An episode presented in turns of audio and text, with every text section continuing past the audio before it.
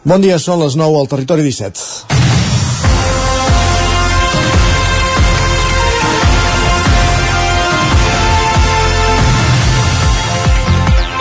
La imatge que es va fer viral la setmana passada en què es veia un home de 94 anys empenyent la cadira de rodes de la seva dona de 90 que pateix Alzheimer al mig de la carretera de Can Davànol de nit i amb temperatures d'hivern fa indignar. La prova és la quantitat de reaccions que hi ha hagut a les xarxes socials. La dona està a la residència Bellaterra i va rebre l'alta de l'Hospital de Can de Bànol després de ser atesa. Els seus familiars van decidir no esperar que arribés una ambulància perquè havia de venir de Manresa i van optar per traslladar-la ells mateixos a peu, empenyent la cadira de rodes, després de comprovar que en una altra ocasió van haver d'esperar 6 hores en un box d'urgències fins que va arribar una ambulància des de Figueres. Sigui un cas més o menys habitual, la situació hauria de fer moure de la cadira als polítics més enllà de, la, de fer piolades a les xarxes socials. Tal com explicava el 9-9 en un reportatge publicat dijous, al Ripollès no hi ha ambulàncies per fer trasllats sanitaris no urgents, com seria el cas del de la dona de la fotografia, a qui va donar l'alta dissabte a la nit durant els vespres i nits. El nombre de serveis es redueix perquè durant aquestes hores no acostumen a fer proves mèdiques ni tampoc se solen donar altes. Això fa que quan hi ha algun cas s'hagi d'enviar una ambulància des de Figueres o Girona. A Osona la situació és molt semblant. En aquests casos, les ambulàncies de transports no urgents s'envien des de Manresa. Segurament s'aplica un criteri per racionalitzar el servei quan es fan les adjudicacions, però des d'aquí hem d'exigir un funcionament de l'atenció sanitària equitatiu. Que viure en un poble del Ripollès o d'Osona no signifiqui tenir uns serveis més deficients que fer-ho en una gran ciutat de l'àrea metropolitana de Barcelona i més poblada. Només així aconseguirem el tan proclamat reequilibri territorial, segurament amb una organització més racional, unint comarques com el Ripollès, Osona i potser també la Garrotxa. Seria més fàcil fer una gestió efectiva d'un servei com aquest i no esperar que una ambulància de Manresa o de Figueres faci 85 quilòmetres per acabar fent un trasllat de pocs metres com és la distància entre l'Hospital de Can de Bànol i la residència on viu la dona.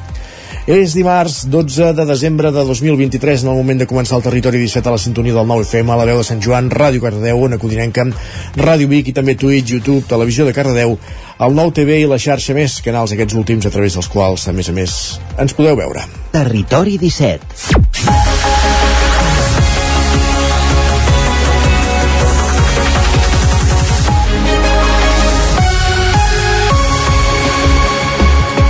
Dos minuts i mig que passen de les 9 del matí. Com dèiem, en marxa el territori 17, el magazín de les comarques del Vallès Oriental, l'Osona, el Ripollès, el Moianès i el Lluçanès, que us fa companyia durant dues hores des d'ara fins al punt de les 11. De quina manera? Amb quins continguts?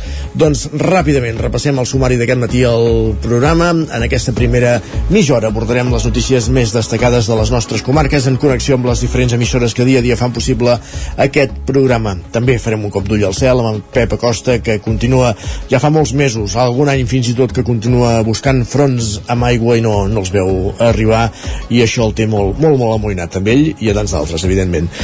Després de la previsió del temps el que farem serà anar fins al quiosc amb en Sergi Vives per repassar les portades dels diaris del dia d'aquest matí de dimarts 12 de desembre de 2023.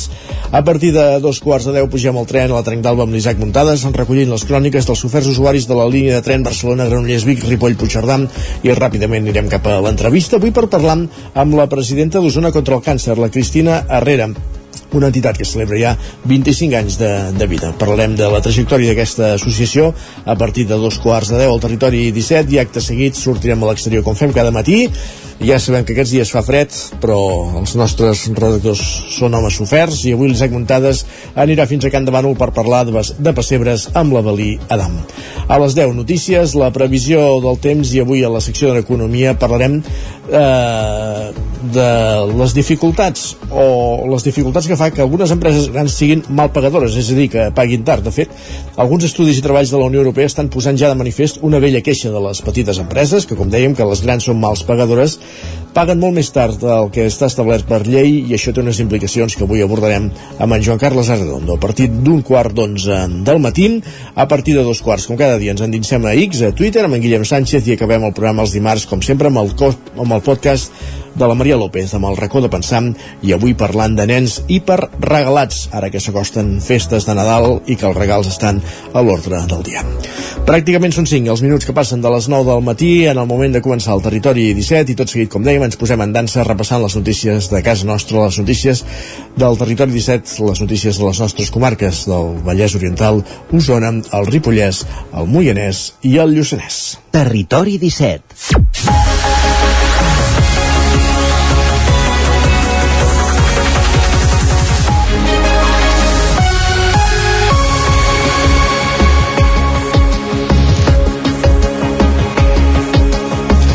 Donàvem ahir el titular just abans d'acabar el programa a les 11 del matí. 10 detinguts a Osona en la desarticulació per part de la Policia Nacional d'una xarxa criminal especialitzada en la inscripció de parelles de fet fraudulentes entre ciutadans d'aquí i de l'estranger. L'objectiu era que els estrangers obtinguessin una autorització de residència al 9FM Sergi Vives.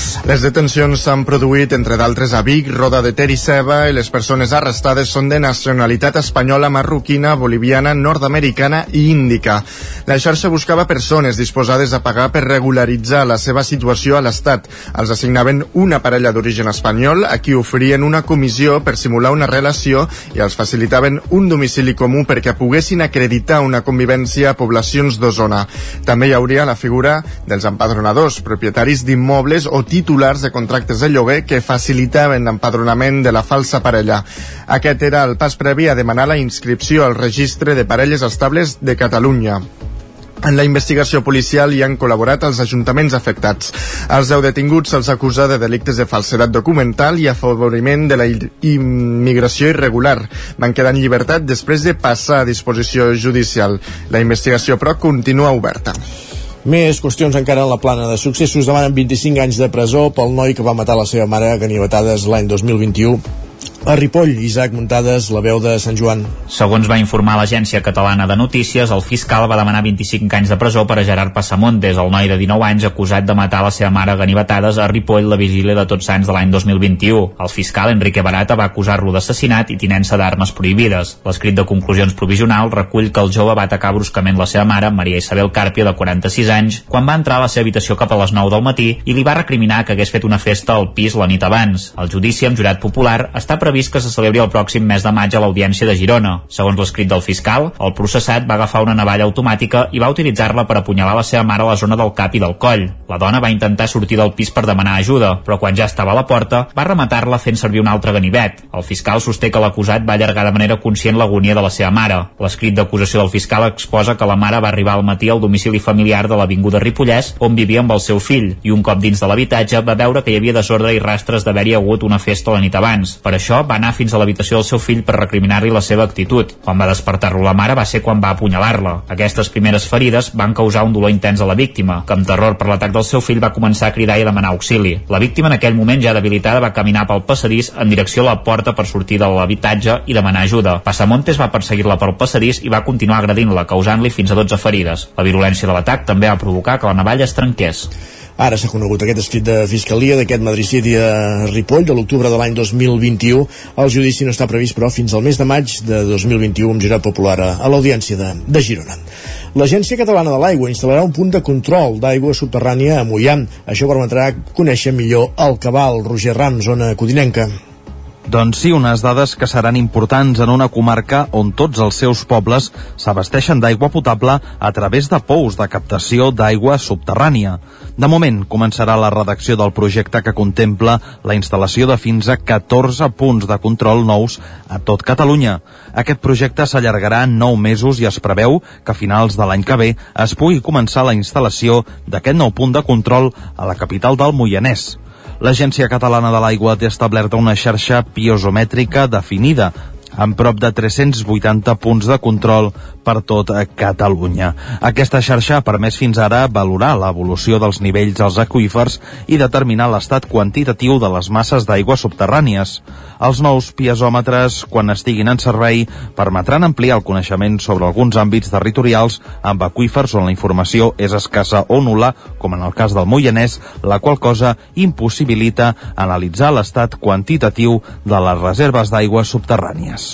Gràcies, Roger. Més qüestions en aquest pont de la Puríssima Manlleu s'ha posat en marxa el va de Nadal amb la pista de gel com a eix central durant 33 dies. S'allargarà fins ben entrat el mes de gener.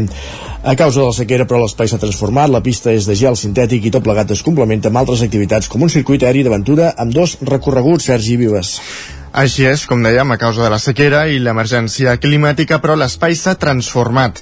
La pista és de gel sintètic i, segons la regidora d'Esports, Montse Costa, l'alcalde Arneu Rovira, no es nota massa a l'hora de patinar ens hem d'adaptar um, als temps de, uh, que correm avui. Si nosaltres els hi demanem als veïns i veïnes i a nosaltres mateix que facin un, un estalvi d'energia, doncs, un estalvi d'aigua, nosaltres com a Ajuntament no ens podem permetre cap luxe de poder posar aquí. Llavors una pista de, gel. Nosaltres volem ser, seguir sent referents en pista de gel a Catalunya.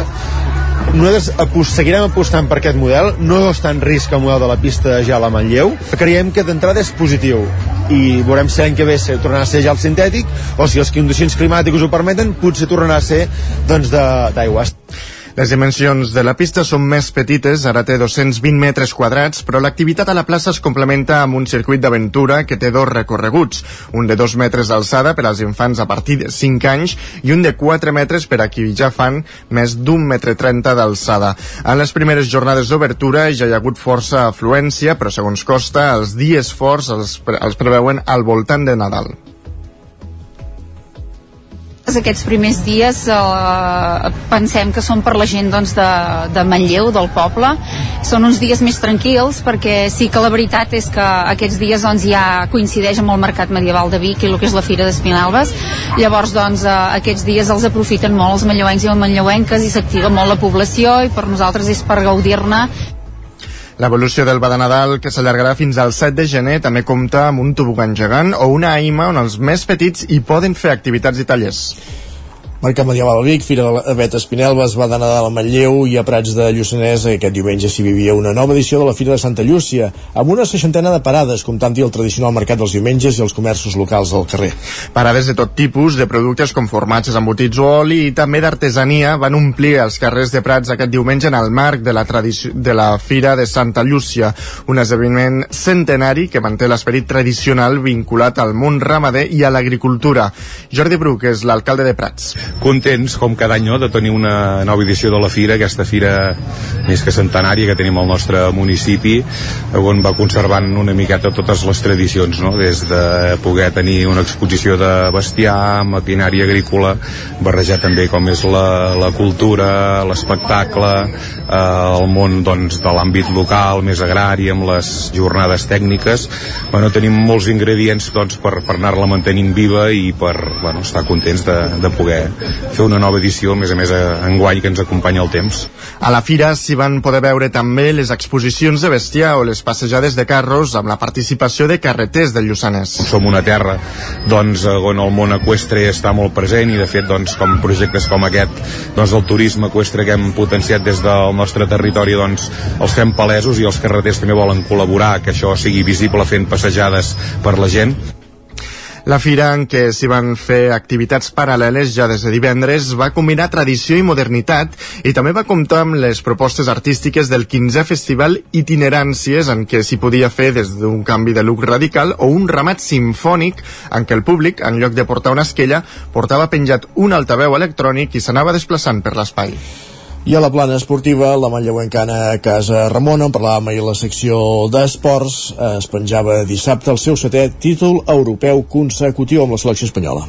A la final contra Portugal, que va disputar-se a Olot i que va acabar amb un 4-0 al marcador, la selecció espanyola va demostrar que no té rival. Dos gols a la primera part i dos a la segona van servir per aconseguir una victòria plàcida pel conjunt que dirigeix Ricard Muñoz i que compta en el seu cos tècnic amb un altre osonenc, el preparador físic Jordi Merino Marino. Al final del partit, Casa Ramona es mostrava molt satisfeta per la feina feta.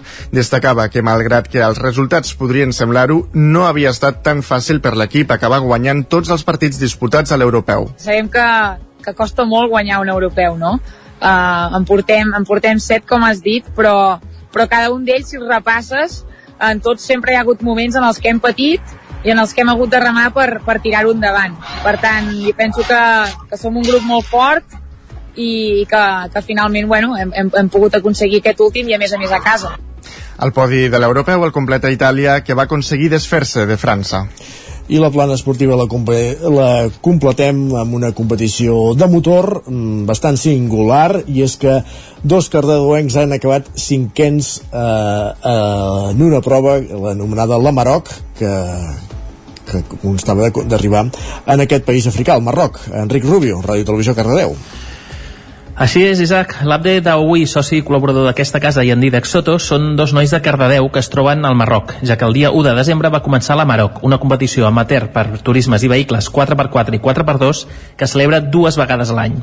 La cursa, constituïda per sis etapes diferents amb un recorregut aproximat de 2.000 quilòmetres, va néixer fa uns anys i enguany és la vintena edició. Didac Soto. Es va començar el 2012 amb un grup d'amics, que eren uns 20 o 30 participants, i a poc a poc ha anat creixent fins ara, que estem ja quasi a 200 participants en cada edició. Els vehicles que hi participen estan preparats amb proteccions i suspensions reforçades, ja que la prova es realitza en pistes i carreteres secundàries. Pel que fa a la, preparació, física, tot i haver-hi un mínim recomanat, no es considera una de les característiques més importants. L'APD d'avui ens ho explica. La preparació en si, eh, el que és preparació física, mm, no et cal cap tipus de preparació, no és una competició com el, com el Dakar o com a competicions tan grans. Eh, sí que és veritat que té una exigència mínima perquè els camins doncs, bueno, no, són, no són carreteres asfaltades, L'Abde i en Dida, que han participat en la categoria de tot terrenys fins a 1.700 centímetres cúbics, han quedat cinquens a la classificació final. Gràcies, Enric, i enhorabona en aquests dos participants, l'Abde i en Dida, que amb ells arribem al final d'aquest informatiu que començàvem al punt de les 9 en companyia d'Enric Rubio, Roger Rams, Sergi Vives i Isaac Muntades. Avancem al territori 17 i tot seguit és moment de saludar el nostre home del temps, en Pep Acosta. Per tant, quan passen dos minuts i mig d'un quart de, de 10 del matí, anem fins a una codinenca.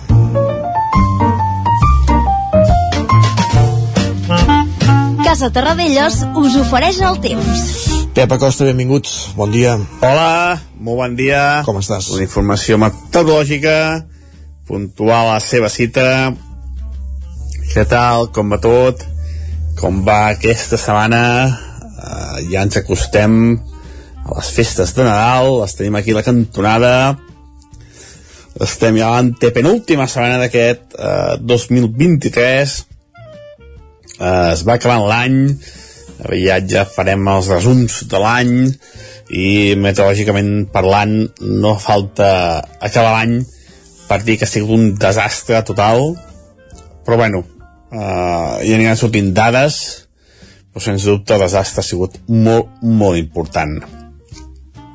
I aquests dies també és un autèntic desastre.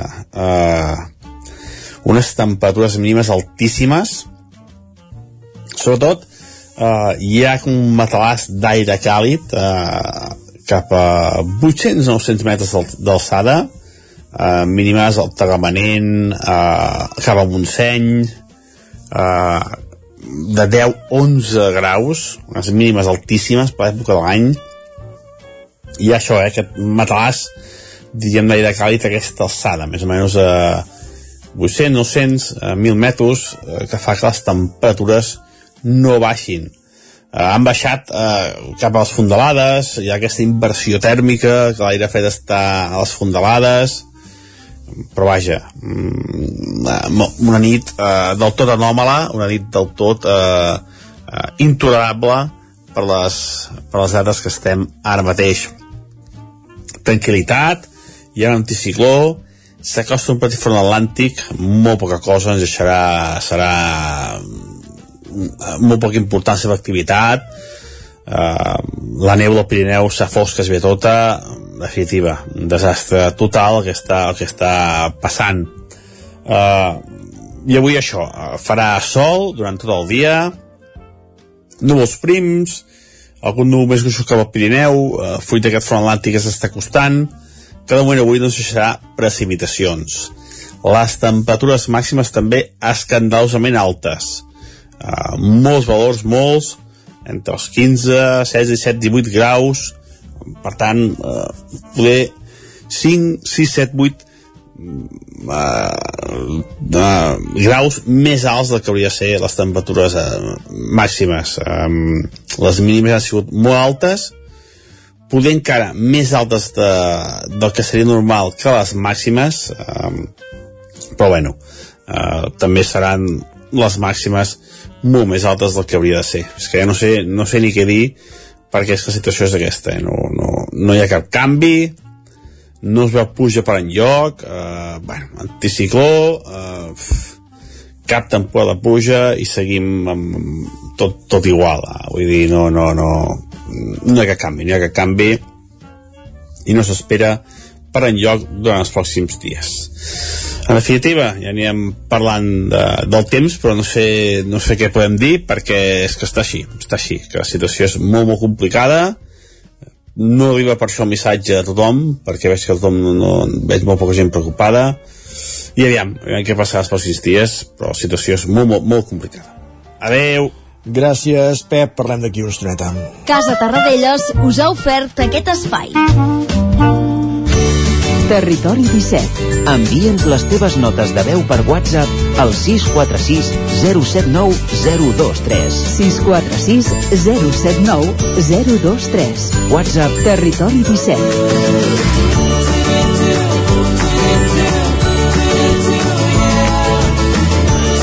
Territori 17. Som a Facebook, Twitter i Instagram amb l'usuari Territori 17.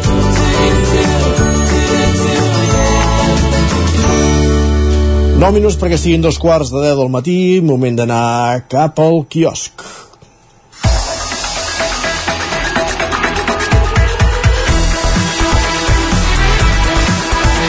Per tant, és moment de repassar les portades dels diaris de l'Odia d'avui dimarts 12 de desembre de 2023. Sergi, què hi trobem a les portades? Per on van avui els diaris? Doncs mira, començarem pel punt avui, que encapça la portada amb el titular Rescat per a l'educació. Diuen que la Conselleria demana fer pinya i anuncia 10 mesures per revertir el retrocés. Diuen que hi haurà més proves diagnòstiques i una agència d'avaluació de les polítiques aplicades. També, eh, per altra banda, destaquen que acaben 8 anys de governs ultra a Polònia. Diuen que el rebuig de la investidura de Morawiecki aplana el camí a Task. Doncs veurem com evoluciona el país. Més qüestions. El periòdico diu que la pobresa pesa més en l'educació que l'origen. Diuen que un estudi prova que les notes dels alumnes migrants i els no migrants s'igualen si es resta el factor econòmic.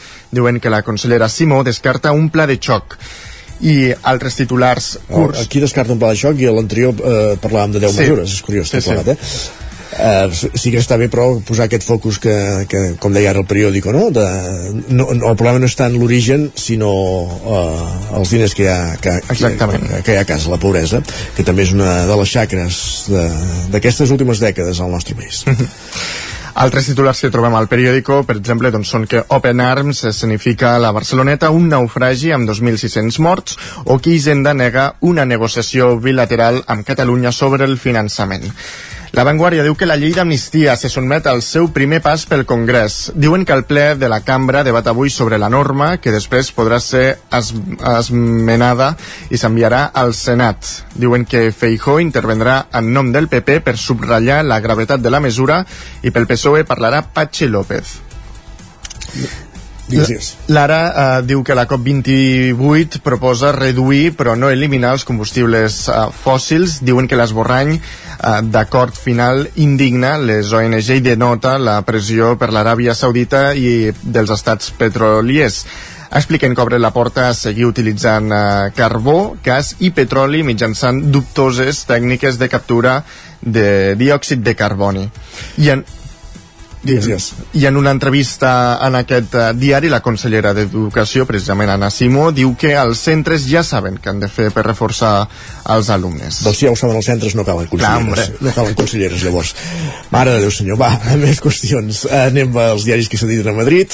El país diu que la presidència de la COP de Dubai rebaixa l'ambició del pacte pel clima. Expliquen que la Unió Europea s'oposa al pla per reduir i no eliminar els combustibles fòssils. Per altra banda, diuen que la guerra a Gaza tensa els campus dels Estats Units. Expliquen que els rectorats estan en l'ull de l'huracà per les acusacions d'antisemitisme. L'ABC diu que la Generalitat va avalar un Amazon català per fugir dels poders fàctics de l'Estat i de l'IBEX 35. Expliquen que el sumari de Tsunami, eh, de Tsunami Democràtic revela que es buscava aglutinar empreses compromeses amb la creació d'una república en la, en la que es consumissin exclusivament productes catalans. Però això, eh, és, és que ara no ho recordo, eh, però diria que secret, secret diria que no ho era, però vaja, en fi, és igual. Eh, si, Bueno, però- si, si ells estan contents revelant coses eh, eh, que ja se Però sempre va bé posar coses a Catalunya a la Oh, portada. tant, sempre, sempre, no faltaria. Uh, I per altra banda diuen que un, el lletrat que va criticar la llei de l'amnistia revela contra el seu cessament. Diuen que Fernández Fontecha recorre la seva pugna de la Comissió Constitucional, desmenteix la versió oficial del Congrés de que el càrrec era provisional i demana ser restituït. El Mundo diu que Junts maniobra per incloure a víctimes de muntatges policials. Expliquen que treballa amb una esmena a la llei d'amnistia que permeti ampliar-la a casos eh, sense relació amb el procés, com els dels Pujol, Josep Lluís Alai i Sandro Rossell. Per altra banda, diuen que Catalunya és la regió on més es segrega els alumnes d'origen immigrant. Expliquen que és també la comunitat autònoma on la concentració d'estrangers en, entre cometes, escoles gueto puja més. I acabem amb la Razón, eh, que destaca que Sánchez aspira a un altre mandat. Recullen les declaracions que va fer ahir a la presentació del seu segon llibre i diu que hi ha un projecte llarg i que no són tant els anys com les ganes. Molt bé, doncs són els titulars que trobem avui als diaris en paper, els diaris que trobem al quiosc, però sempre també mirem de fer un cop d'ull als digitals, a l'edició d'Osona i el Ripollès i el Lluçanès del 99.cat. Així és, doncs ens expliquen que Osona contra el càncer porta recaptats més de 5,2 milions d'euros en 25 anys. En parlarem d'aquí res, 5 minutets encara no a l'entrevista amb la seva presidenta, amb la Cristina Herrera. I a l'edició del Vallès Oriental? Doncs ens expliquen que mor un jove de Mollet a Ucraïna on havia anat de combatent. Carai, doncs, titulars que podem trobar avui també a les edicions digitals del 99.cat. Gràcies, Sergi. A tu, bon dia. Nosaltres fem una petita pausa i tornem de seguida eh, pujant al tren, a la Trenc d'Alba, amb l'Isaac Muntades, recollint les cròniques dels oferts usuaris de la línia de tren Barcelona, Granollers, Vic, Ripoll, Puigcerdà, la línia del nostre tren de cada dia, que un tram es fa per carretera per les obres de desdoblament entre Parets i la Garriga, l'R3, i també, com dèiem tot seguit amb l'entrevista amb la Cristina Herrera parlant d'aquests 25 anys d'Osona contra el càncer i d'aquests 5,2 milions que al llarg d'aquest temps han recaptat en diferents campanyes. Fins ara mateix.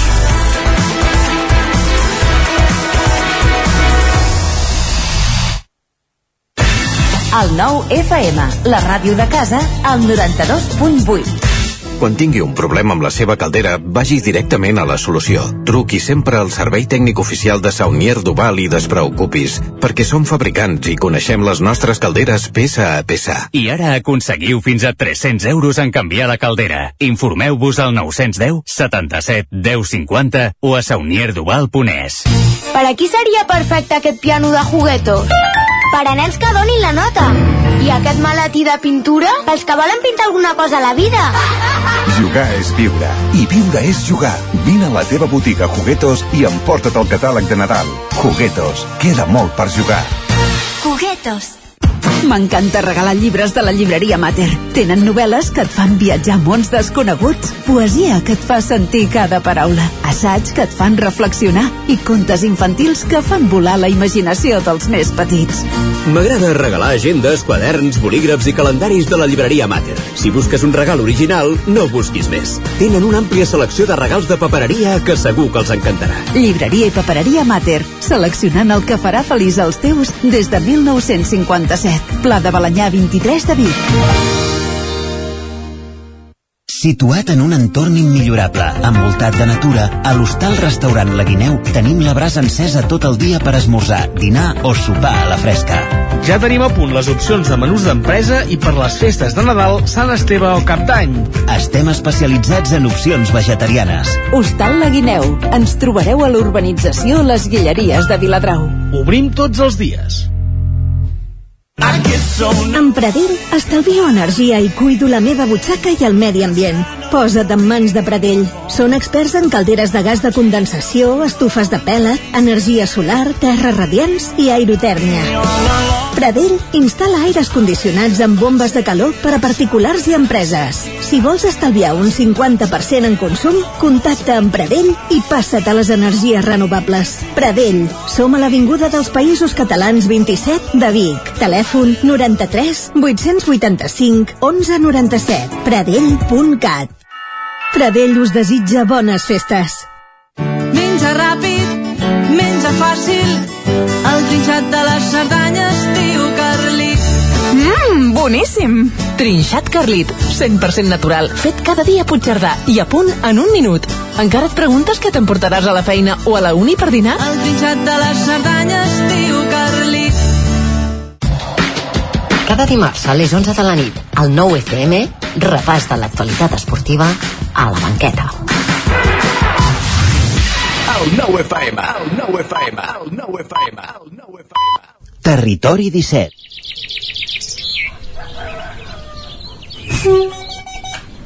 A Tren d'Alba. Cada dia els usuaris i usuàries de la línia R3 de Rodalies que veuen sortir el sol des d'un vagó ens expliquen les gràcies i les penes del primer comboi que uneix Ripoll i Barcelona o les feixugues jornades amb el tren després de treballar. Benvinguts a Tren d'Alba. Avui viatjarem al passat, concretament una setmaneta, i és que en Jordi Valls em va passar una crònica just abans de marxar de pont que no vàrem poder emetre perquè ja estàvem de festa, però volem que l'escolteu, perquè parla de com de malament funcionen els trens. Aquí se'l veia il·lusionat per anar a Cercedilla a Cotos. No sabia el caos que li esperava a l'estació de Totxa. Va, podem escoltar-lo. Bon dia. Bé, ahir vaig tenir sort.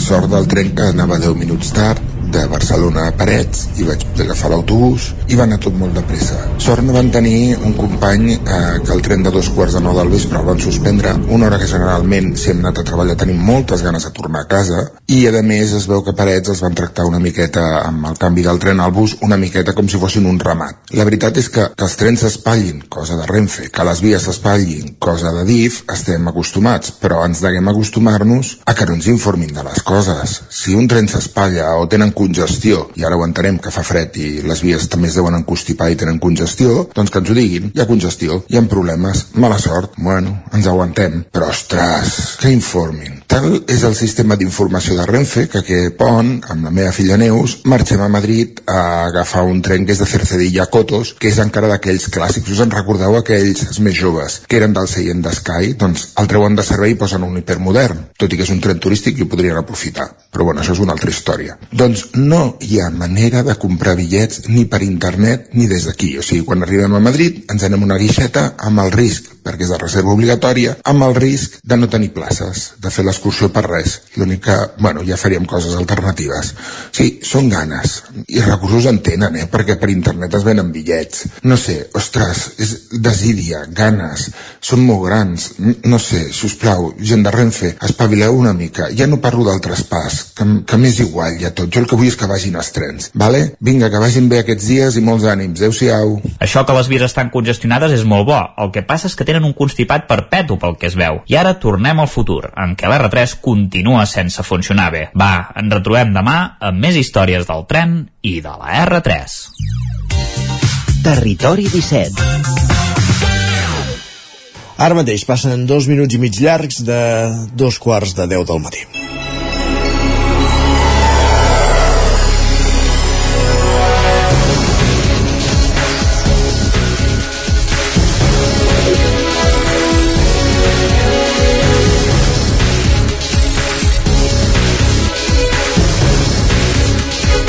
Aquest 2023 ha fet 25 anys que es va crear Osona contra el càncer, era l'any 1998. Al llarg d'aquests 25 anys han recaptat fins a 5,2 milions d'euros. I avui volem parlar d'aquesta entitat, de la tasca que fa, a què destinen aquests diners, coincidint precisament ara que han renovat el conveni amb el Consorci Hospitalari de Vic perquè Osona contra el càncer financi el servei de psiconcologia.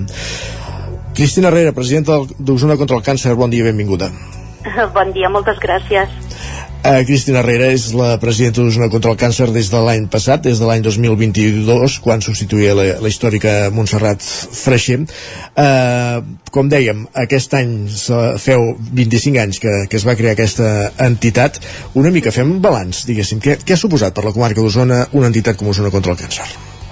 Home, Osona contra el càncer eh, és aquella entitat, com tantes altres, eh? no, no, no volem eh, passar per damunt dels demés, però, però som un col·lectiu de gent que empeny bàsicament que empeny i que, i que té ganes de sumar i que té ganes que les coses avancin i que trobem solucions i si una cosa doncs ha de venir però, però la podem avançar un parell d'anys o hem d'empènyer, és la nostra obligació hem d'estar al costat de la gent sí. I, i empènyer és el que fan moltes voluntàries sobretot els principals actes festius de, de la comarca, de qualsevol poble o, o, o ciutat perquè sempre hi ha la carpa d'Osona contra el càncer amb els voluntaris venent banderetes eh, el que convingui, recaptant diners perquè ha estat una imatge viva d'aquests 25 anys de l'entitat, eh? Sí, és bestial. És que sense les juntes locals no, existi, no existiria Osona contra el càncer.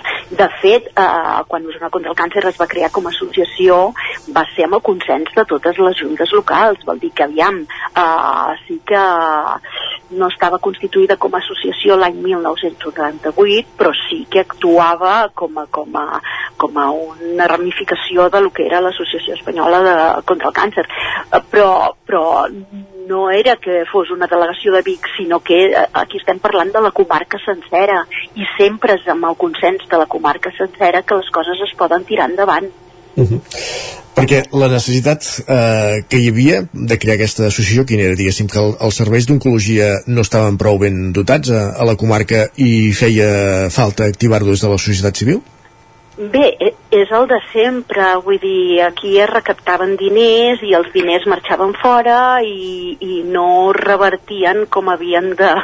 Com, no, no es reutilitzaven, no es reinvertien a la comarca i, i per tant molta gent es preguntava, ostres, tantes campanyes, tantes acaptes, tant moviment social i no veiem el resultat. Aleshores aquella gent eh, molt clarivident eh, es va mirar els ulls i va dir, escolteu, si fem un pas endavant, si fem un pas endavant i aconseguim que tot aquest esforç col·lectiu de la comarca es vegi recompensat amb millores també dintre de la comarca. Mm, I així va ser, uh Mhm. -huh. i així va ser, i tothom va estar d'acord en que fos així, i ostres, els resultats són aquí.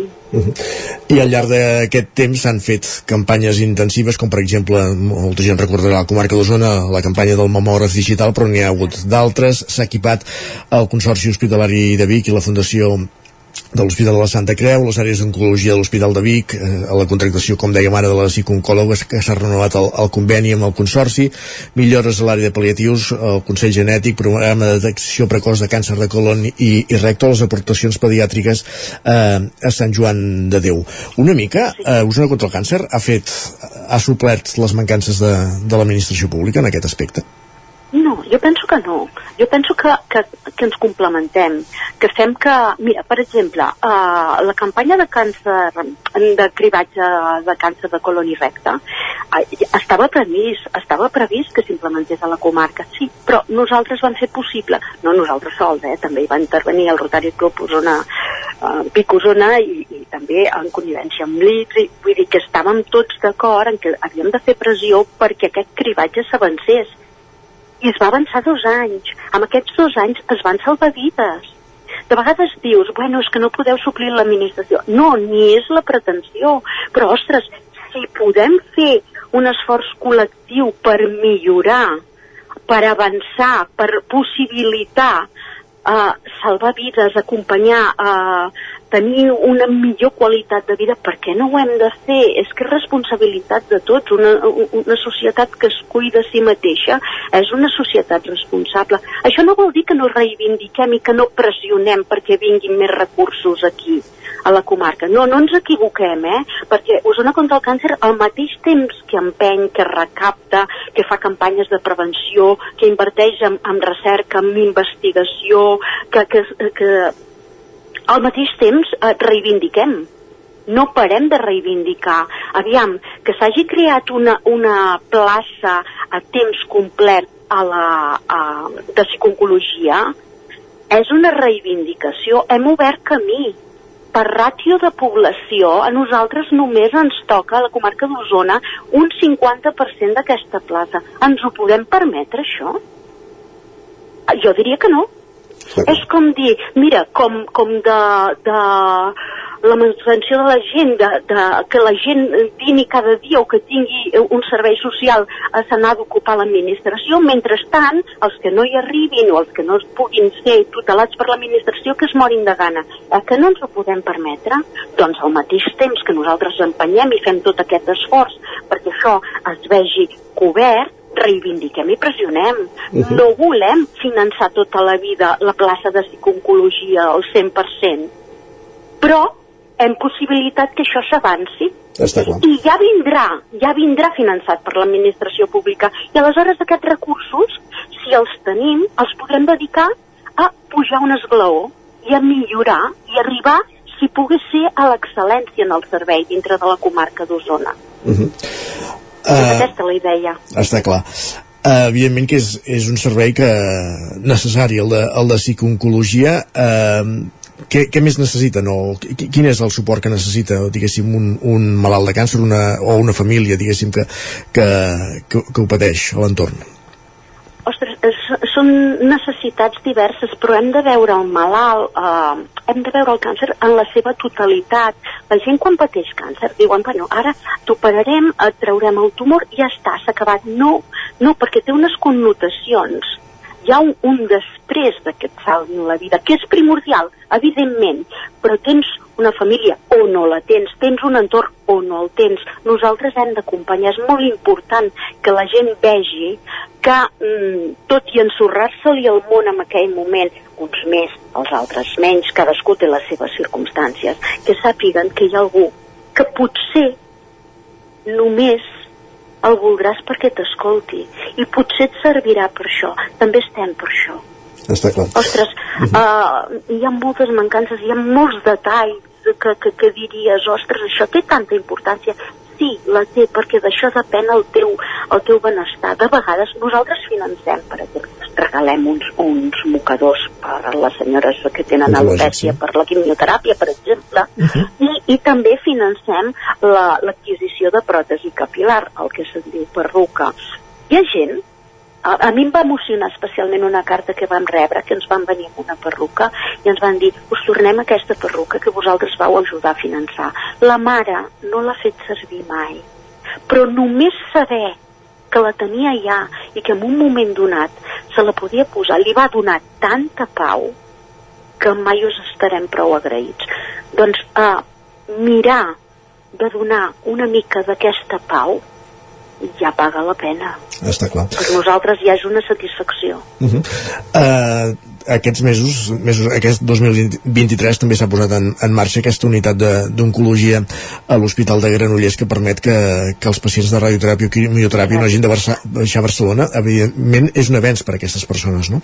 Això, això és magnífic perquè el calvari que suposa per algú haver de fer tota aquella quilometrada, quan no trobes bé, quan no vols que t'atabalin, haver de pujar amb, un, amb una ambulància, que per cert, aquesta també és una nova reivindicació. Els, els vehicles no estan en condicions, han quedat, han quedat obsolets. Tenim uns professionals magnífics que transporten la nostra gent i en canvi molts d'ells van en vehicles que trontollen per tot arreu i que els amortiguadors no amortiguen i que la gent ho passa malament. Mm, anem per aquí també, també hi posarem la banya per aquí. Però tenir-ho a meitat de camí ja és un avenç. Està clar hem de pressionar per avançar. Tindrem els nostres usonencs que eh, els hi calgui el servei de radioteràpia a meitat de camí. Ostres, benvingut. Ja ho sabem que aquí no ho podem tenir. De moment, és una inversió bestial tenir un servei de radioteràpia. És, és qui no, per qui no ho hagi passat mai, quan vas a fer radioteràpia entres com una espècie de búnquer, es tanquen totes les portes i tothom se'n va. I penses, on dia, això és molt gros el que passa aquí dintre. Doncs sí, amb aquest servei que no se li dona tanta importància, que necessita una milionada per poder-lo posar en marxa, ara ja no el tenim a 75 quilòmetres, ara el tenim a 30. Doncs benvingut, és, és un avenç magnífic -huh. pel benestar de la nostra gent evidentment que en 25 anys ja ha evolucionat molt eh, el tractament de, de, dels càncers eh, evidentment eh, és una malaltia contra la que, que es pot combatre però que no, no hi ha sempre solucions eh, definitives per, per tothom eh, va avançant en, en investigació també a Osona, com, com ha evolucionat el tractament de, del càncer al llarg, al llarg d'aquests 25 anys? Ah, els tractaments del càncer s'han personificat vull dir, abans eh, el còctel que et deien que et posaven per fer-te una quimioteràpia doncs era una mica més generalitzat i que mica a còpia d'anar fent recerca, investigació, anar fent tots aquests estudis, doncs s'ha aconseguit que els, que els tractaments siguin molt més personalitzats, no tots tenen els mateixos efectes secundaris, no tots serveixen pel mateix i, i això és un triomf de la investigació i de la recerca i dels nostres professionals els nostres professionals, que els tenim boníssims, es mereixen fer un esforç en dotar-los dels mitjans per poder avançar, perquè si ells tenen millors mitjans eh, poden oferir un servei al pacient molt més excel·lent i per tant eh, eh és la nostra obligació però en aquest sentit. Avui ens sembla que hem avançat, demà passat avançarem molt més mirarem enrere i direm, ostres, ens semblava que estàvem fa cinc anys que estàvem la mar de bé, ara estem molt millor. Ja ho sabem que malauradament no totes les històries acaben bé. Però, però, ostres, si podem acompanyar en aquest procés i aconseguir avançar i que el que fa cinc anys era impensable avui sigui possible, aquí estarem, sempre. Cristina Herrera, presidenta d'Osona contra el càncer, segur que ens deixem moltes coses al tinter, per exemple n'hem parlat de, de la unitat d'oncologia de l'Hospital de la Santa Creu, de les cures paliatives, que, que tanta feina també han, han fet eh, en aquest La en aquest primera àmbit. planta pal·liatius de, de la Santa Creu és una meravella en tots els sentits. Els professionals que acompanyen els nostres malalts, les famílies, l'atenció que tenen, i si nosaltres podem aportar mitjans perquè estiguin més còmodes, perquè els, els acompanyants eh, puguin estar al costat dels seus estimats amb unes eh, millors eh, condicions, amb més comoditats, nosaltres també hi estarem aquí. Perquè repercuteix amb el malalt, repercuteix amb la nostra gent i, i és el que val la pena, és la nostra raó de ser. Està clar. Que continuï fent feina Osona contra el càncer. Per... Un moment, jo Digues. vull felicitar també a tu, Isaac. A mi, per què? Perquè a tu, a tu t'han premiat i a mi que, uh, que avui uh, un periodista premiat pel seu treball d'investigació uh, en, entrevisti Osona contra el càncer uh, és un privilegi i un goig i t'ho agraeixo moltíssim. El goig és nostre, moltes gràcies. Cristina Herrera, presidenta d'Osona contra el càncer. Eh, bo, eh, continueu fent bona feina i fins aviat. Moltes gràcies, una abraçada. Igualment, Adéu, bon bon dia. dia.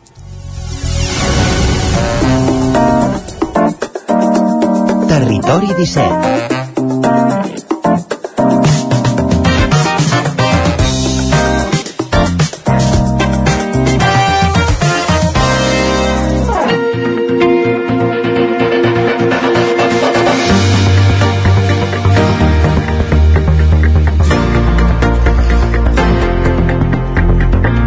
Després de parlar amb la Cristina Herrera d'Osona contra el càncer, és moment de sortir a l'exterior com fem cada dia al territori 17 i avui l'Isaac Montades és a Can de Bànol. Isaac Montades, la veu de Sant Joan, desplaçat, com dèiem, a peu de carrer Can de Bànol. Bon dia, què ens expliques avui? Bon dia, Isaac. Doncs sí, avui ens hem desplaçat fins a Can de Bànol. Concretament ens trobem en aquest espectacular edifici modernista, que és la torre de, de mossèn Tor, situat aquí molt a prop de la carretera de, de Gombrèn. Uh, la tenim plena de, de pessebres des de fa aproximadament uns 10 dies. Això és en motiu de la tercera edició de la mostra de pessebres uh, populars i, i fragments. Uh, es tracta d'una exposició que es podrà veure fins al 14 de gener i està oberta cada dia de dilluns a, a diumenge, d'11 del matí a 1 de la tarda i també de 5 a 8 de la tarda i avui estem amb l'artista candavanolenc Avalí Adam, que ell és el president de l'associació Can Davano Cultura i Compromís que s'encarrega de gestionar aquest espai. Uh, primer de tot, bon dia Avalí, moltes gràcies per acollir-nos en aquest espai tan magnífic que evidentment us convidem a visitar-lo perquè realment uh, val, val molt la pena i segur que l'Avalí, si el trobeu aquí, us farà de guia turístic una, una bona estona. Bon dia, Isaac, bon dia. Eh? Uh, per començar, Valí, uh, parlem de, de pessebres, però primer vull parlar d'un pessebre en concret, del de, del de Costa Pobilla, que també es porta aquí, aquí a la Torre de mossèn Tor, quan es va buscar doncs, el mes de febrer. Ara recordem que el diumenge passat es va portar a dalt de la muntanya, com és una tradició ja habitual de, del grup excursionista Can Davano, i cada any el fa una persona diferent i aquest any et va, et va tocar a tu. Uh, no sé en què consistia, com l'has fet, com, com l'has dissenyat. Bueno, aquest any el Club Excursionista doncs, va apostar per mi, van comentar-ho ja inclús l'any passat, que ja que doncs, eh, vaig cedir doncs, dos espais per poder portar doncs, els 60 anys d'història, aquest any és el 61 any d'història del, de, del GEC, del Club Excursionista, no? que porten doncs, cada any un artista diferent doncs, a dalt a Costa Pobilla. No? Aquest any doncs, em va tocar a mi, és un pessebre doncs, doncs, bueno, de, de l'estil doncs, que jo normalment faig les escultures a més a més eh, una tècnica doncs, que porto a les escoles no? que amb les branques es fan personatges no? i llavors doncs, vaig fer doncs, eh, un pessebre a mida dalt com se'n van dir per poder pujar allà dalt mm. en tema doncs, d'això de, de, de, de, de, la natura no? perquè és el meu tema no? i més pujant allà dalt vaig disfrutar molt i, i orgullós de pujar-ho el diumenge, doncs va ser aquest diumenge que ho vam pujar a dalt a Costa Pobilla que, bueno, doncs per mi va ser una il·lusió molt forta, no? Va ser una, una il·lusió molt forta perquè aquí es tenia de pensar de petit si anàvem a la colla, inclús amb el teu pare, Isaac, uh -huh. eh, que encara en vam parlar el diumenge allà dalt, veure aquell entorn que l'entorn no ha canviat, el que hem canviat som nosaltres, hòstia vull dir que, que, que quan ens hem fet grans. I jo t'estic parlant quan teníem 10, 11 i 12 anys que anàvem allà dalt no? i per mi em va fer molta il·lusió. Un pessebre que és, és de fusta, que el podeu veure és, és més o menys de, de fusta, això que deies de, de branques, i això que et deies fa molta il·lusió perquè tu, Valí, també en, en un moment de la teva vida vas tenir una experiència vital dura amb un accident i realment eh, vas poder fer un tros del pessebre, que això és el que, el que et fa sentir sobretot més orgullós, no entenc? Sí, que jo allà dalt no em pensava poder arribar. Clar, jo amb la cama puc anar per aquí, vull dir, puc anar fent, però no fer una caminada doncs, com em va tocar fer allà dalt, no? Perquè allò no és pla. Allò té una pendent una mica guapa, no? Ho- ho- ho sabem, ho sabem. Hòstia, és clar, llavors, doncs, bueno, estic molt content de- d'haver pogut complir la taxa aquesta d'haver pogut amb tot l'equip de germanor que hi havia allà dalt, perquè ha estat dos anys doncs, que es va veure i ho van comentar doncs els que pujaven cada any que va ser dos anys doncs, que també hi hem pogut tenir bastanta gent allà dalt no? i això sol doncs estic content De fet, els que vam poder-hi anar, perquè en el meu cas també vaig poder-hi pujar, érem, hi havia més d'un centenar de persones, que és una cosa que no cada any es veu, també va, és, és veritat que va acompanyar el bon temps, i segur que també em vas fer promoció, eh, Valí? Això, això ja en parlarem. Eh, eh, aquell pessebre, teòricament, és el 61, eh? per tant ara n'hi ha una seixantena que estan aquí exposats a la torre de mossèn Tor de, de Costa Pobilla, que són els pessebres no sé um, quins ens destacaries perquè cada any tenen una temàtica diferent destaca'ns aquells que trobis més, més importants, a banda del teu evidentment que ja és el que vindrà el, el 61è Bueno, Isaac, eh, aquí en té destaca, guaita, jo pujo a dalt i és impressionant la qualitat de pessebres que hi ha. Eh, Llavors jo, per dir-te quin és el que m'agrada més, m'agraden tots. Això és com si em dius, quin és l'obra que tu fas que t'agrada més? Totes. Quina triaries? Totes. Eh, Llavors, quina triaria jo aquí? Totes. Quin m'agrada més un que l'altre? Tots. Eh, Llavors, grans professionals del món del pessebrisme, que això ho hem de portar a terme, que això lluitaré, ja t'ho explicaré ara una mica més endavant quan em preguntis, eh, destacaré molt doncs, que, eh, esclar, la joventut no tira endavant amb aquest tema. Llavors jo lluitaré molt, jo, jo lluitaré molt perquè doncs, es puguin doncs, cada vegada introduir més el món del pessebrisme endavant, no? precisament per una manera de lluitar és muntar una associació de pessebrisme que em sembla que no tenies prou en ser president del anava a Cultura i Compromís que t'has ficat en un altre, en un altre jardí, em sembla. Sí, bueno, ho vaig, ho vaig publicar-ho el dia doncs, que, que hi havia el president de la Federació, ai, de la Comunitat Europea de Pessebrisme, no?, eh, que bueno, tant la Federació Catalana com, com ells doncs em van apretar molt perquè tot el que és la comarca no hi ha cap associació de pessebrisme llavors jo això eh, em va impactar doncs no vaig poder dir que no. Vaig presentar-ho eh, ho vaig publicar el dia de la inauguració de la presentació dels pessebres i bueno, estem esperant el NIF, estatuts ja estan, estem esperant el NIF perquè doncs, per poder portar tota la documentació a la Federació Catalana. I llavors a partir d'aquí doncs, que podrem atendre la comarca tot el tema doncs, del món del pessebrisme i més o més organitzar coses aquest any, el 2024 al món del pessebre. Eh? això ja s'anirà veient sobre la marxa. Però bueno, també estic content doncs, de, en vez de tirar enrere, tirar endavant. I això per mi és molt important a la comarca tirar endavant eh, amb màssies forçades perquè la comarca eh, convenen aquestes coses i comenten coses eh, convé molt coses perquè perquè, bueno, eh, per mi és molt important. Eh, Aquest any ho comentàvem abans, eh? Al pis de dalt tenim tots els pessebres de Costa Pobilla, aquesta seixantena de pessebres. A baix, i també en els pisos intermijos, doncs, tenim els pessebres més comuns, per dir d'alguna manera, de comú res, perquè són pessebres espectaculars. El primer any hi va haver 115, si no tinc mal entès, el segon 160. Quants en tenim aquest any? Aquest any entre els del GEC i del Club Excursionista un centenar també, eh? vull dir que, que n'hi ha, n'hi ha, n'hi ha. Quins, quin- quins ens, ens destacaries? Aquest any no hi, ha, no hi ha diorames, però són pessebres que hem vist que són molt grans. No sé quin destacaries. Ara en veiem un que és bastant espectacular d'un d'un molí, eh, però aquest, per exemple, pots parlar-ne. Què, què en destacaries? D'on venen aquests pessebres, sobretot? Bueno, guaita, eh, Isaac, aquest any el, el vaig voler canviar. Per què? Perquè no pots veure. La gent no pot veure cada any la mateixa la mateixa estructura. Llavors aquest any, doncs, o sigui, hi ha tres tipus. Hi ha el, hi ha el diograma, que ho vaig fer dos anys. Llavors hi ha el fragment i hi ha el pessebre popular. Hi ha tres tipus. Llavors què hi vaig fer aquest any? Doncs m'agradava molt el típic pessebre de tota la vida, com muntés els grans professionals. Gent de 80, 75, 80 anys que han vingut aquí. I d'on han vingut? D'arreu de Catalunya, com poden ser o la representació de, de l'associació de passeuristes de, de Mataró, o l'associació de passeuristes de, de, i, i llavors en Marcelí, que és de, de Sabadell, els de Castellà del Vallès, els de Gurb, els d'Olot, el de Ripoll, Andrés Matilla, que és un gran professional al món del Pessebres, a Can de Bano, que aquest any he pogut muntar l'arbre, que no sé si ho has vist aquí al jardí, sí, sí. uns arbres que van tallar, que eren morts, en aquell moment eren morts i s'anaven al foc, doncs ara aquests arbres tornen per les sols i més a més són vius, perquè la gent ho podrà saborejar, i cada any doncs ho guardaré i cada any doncs aquests arbres no aniran al foc. Aquests arbres doncs eh, parlaran cada any, eh, i són vius i llavors doncs, bueno, eh, hi ha una qualitat inclús hi ha un pessebre, bueno, aquest que m'has preguntat que aquest d'aquí baix aquí baix hi han dos, un és del tema d'Egipte mhm. eh, d'una explicació de, del món d'Egipte i llavors l'altre d'això de, d'Holanda mhm. eh, d'Holanda doncs, amb, amb els tulipans amb, bueno, en fi, amb els esclops i bueno, en fi, tot amb el molí i tot això. Llavors n'hi ha un Nadal que és brutal eh? Dalt és brutal perquè és la vida de la comarca. I és una explicació de la comarca.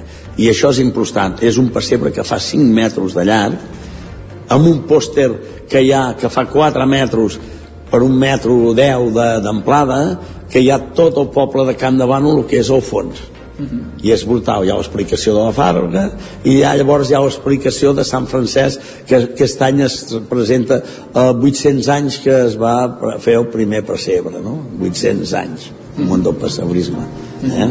Uh, aquest any també hem de dir que no els veurem fora de la Torre de mossèn Tor eh? els qui vulgui veure pessebres haurà de venir a la Torre algun, algun altre any, em sembla que l'any passat s'havien desplaçat eh? sí, sí, perquè esclar, l'any passat eren tres locals que jo això ho volia tirar endavant però esclar, em vaig veure forçat eh, això tirant, això sí, això ja t'ho dic de, de ple, i vaig tenir tirant darrere perquè a l'hora de vigilar, esclar, jo no puc ser tot arreu, Isaac.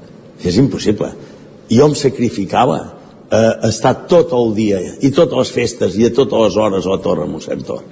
A més a més, eh, quan jo havia obert la Torre Mossèn Tor, jo anava ràpidament a obrir els locals a tancar-vos al migdia, obrir-vos havent dinat i tornar-vos a tancar al vespre. Uh -huh. Llavors, què passava? Sempre érem els mateixos a la vigilància. Mai va venir ningú a dir-me, escolta, Valí, que eh, no pateixis, si, si hem de venir-te allà a donar un cop de mà. Jo això volia aixecar el poble amb aquesta, amb aquesta manera de, de fer, que a eh, part de, doncs, del món del passebrisme, que era el tema de Nadal, aquests locals no li han anat obrint durant l'any totes aquestes portes que estan baixades era un altre projecte que jo volia portar a terme al poble de Can de Bano que els caps de setmana comencés a venir gent i comencessin a obrir caps de setmana els locals amb la porta i el apreciar Nadal què ha passat? que he tingut a tirar enrere perquè estic sol no tenia ningú al costat que, que m'apoyés i em digués, no Valí, que t'ajudarem. Hòstia, hem de mirar d'aixecar el poble hem de mirar d'aixecar-lo, aquesta proposta i aquest, aquest projecte que tu vols fer mirarem d'aixecar-lo, i esclar jo volia, bueno, ja ho veus, quan jo foto ara aquí a la torre, el món del passebrisme l'any passat van venir 4.600 persones. Mm -hmm. Aquest any, com, mira, eh, amb 10 dies, 9, 9 dies o així, ja passem de 200 persones. Mm -hmm jo aquest any penso que passarem de 5.000 persones perquè és brutal. A més a més els mitjans d'informació com per exemple vosaltres l'altre dia vaig anar a Esplugues de Llobregat a Catalunya Ràdio bueno, estan donant a la televisió del Ripollet eh, i ara ho donaran al 9-9 i o sigui que no falta per mitjans de comunicació. A mi la gent que no em digueu que no ens hem enterat. El tema de paper em fot un far d'empaparar la comarca i el poble cada activitat que fem a la torre inclús els mateixos de l'associació em diuen, hòstia, Valí, què fas de fer-ne tant? no, ho vull fer tant perquè vull que la gent estigui ben informada que a mi no em vingui la gent i em digui Valí, no ens n'hem enterat. No, no em diguis que no te n'has enterat. Passarem pel poble i més veus cartells de la torre Mossèn Tor. Te'n vas a Ripoll, cada pas veuen cartells de la torre Mossèn Tor. Esclar, i aquest cop del passebrisme n'he portat a Sant Joan a Camprodoni i arribes és clar, a que no em vinguin a dir això. Llavors vaig tenir de tirar enrere en aquest àmbit, no? Que, que carai, que ens ajudin, home, que ens ajudin perquè eh, si la gent m'ajuda jo encara tinc més forces i per poder tirar endavant. I hem de tirar endavant perquè la torre no és de Can Davant sol. I torno a dir, i ho repetiré sempre mentre jo pugui, és de tota la comarca és de tota la comarca. Tenen les portes obertes tota la comarca i arreu. Doncs, ostres, vull dir que hem de mirar doncs, que la gent, doncs, carai, que ens faci costat. I que vingui a veure les activitats. Per almenys que els vegi, que vinguin. Tan sols eh, això ja t'alegra, ja no? Ja, ja et veus que no et trob sol, et veus acompanyat. Eh? No, moltes gràcies. Eh? La crida doncs, recollida aquesta crida, Valia d'Am, president de l'Associació Can Demano Cultura i Compromís, us recomanem doncs, que vingueu a veure aquesta tercera mostra de pessebres, de, també de pessebres populars i fragments aquí a la Torre de mossèn Tor, que recordem que hi serà fins al dia 14 de gener i es pot venir a visitar en diferents horaris, tant al matí com, com a la tarda. Moltes gràcies a Valí per ser al territori 17 amb nosaltres. Moltes gràcies a vosaltres, Isaac. Eh? Gràcies per tot. Queda recollit. Gràcies, Isaac, també per acompanyar-nos aquesta estoneta. Fins ara, Isaac, bon dia.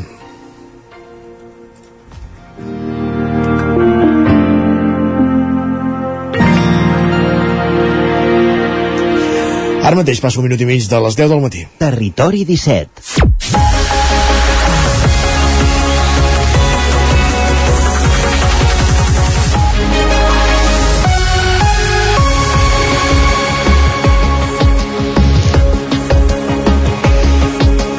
I obrim aquest bloc informatiu amb una informació de servei. L'eix transversal està tallat a Santa Maria d'Oló en sentit Girona a causa d'un camió que ha perdut una peça. Això ha provocat un accident entre vehicle, els vehicles que anaven al darrere i malgrat que no hi hauria ferits de gravetat, l'incident és aparadós i manté la carretera tallada des de quarts de vuit del matí. Segons informen des del Servei Català de Trànsit, s'està treballant per retornar a la calçada a l'estat habitual, però la reobertura no serà imminent. De totes maneres, sí que és cert que eh, fa uns pocs, pocs minuts el Servei Català de Trànsit ha informat de l'obertura d'un carril.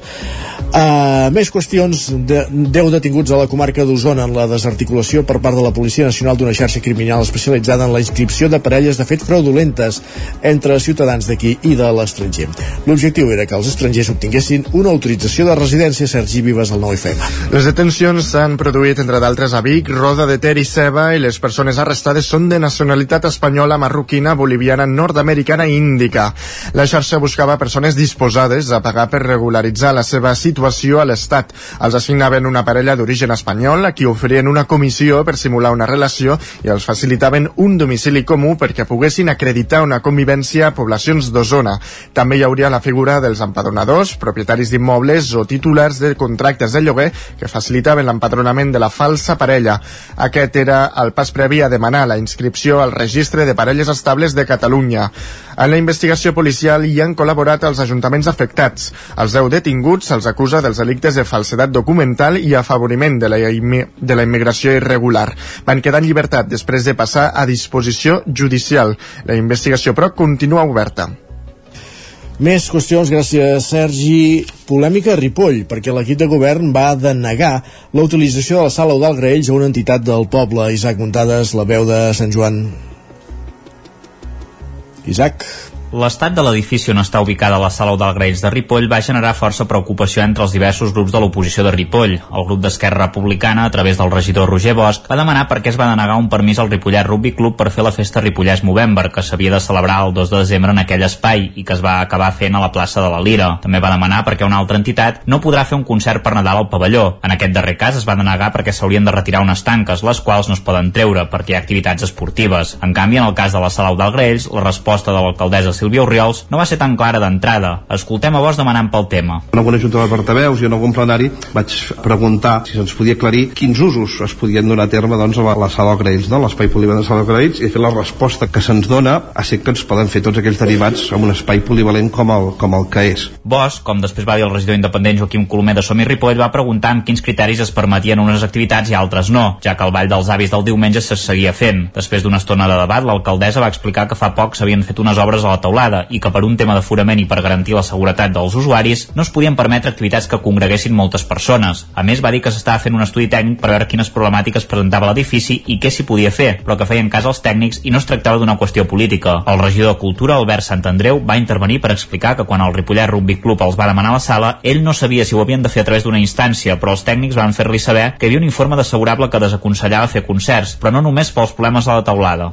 Perquè falten sortides d'emergències i jo els hi vaig comunicar amb els del Ripollet Rugby Club que tampoc va ser un drama perquè tal com els hi vaig dir doncs em van dir doncs cap problema, ho fem a fora. Vull dir que també em sembla que n'estem fent un gran massa. Llavors s'havia d'arreglar el teulat i ja s'ha reparat el teulat però si és per també un tema de sortides d'emergència que no hi hagi molta aglomeració de gent que per si passa alguna cosa la gent pugui sortir doncs de moment no es poden fer. Llavors ens haurem de plantejar de posar-hi dues sortides més d'emergència. Llavors doncs, si, fan el cas, eh, si fan els balls dels diumenges que hi ha els avis perquè són 40 o 50 avis i per aquest número ens, ens han dit que no hi ha, no hi ha d'haver-hi cap problema. Ara si fica 150 persones i passa algun disbarat i han de sortir d'allà corrents doncs poder hi haurà algun problema. La regidora de Junts per Ripoll, Manoli Vega, va demanar que s'avisi a totes les entitats de quines seran les condicions d'ús de la sala a partir d'ara.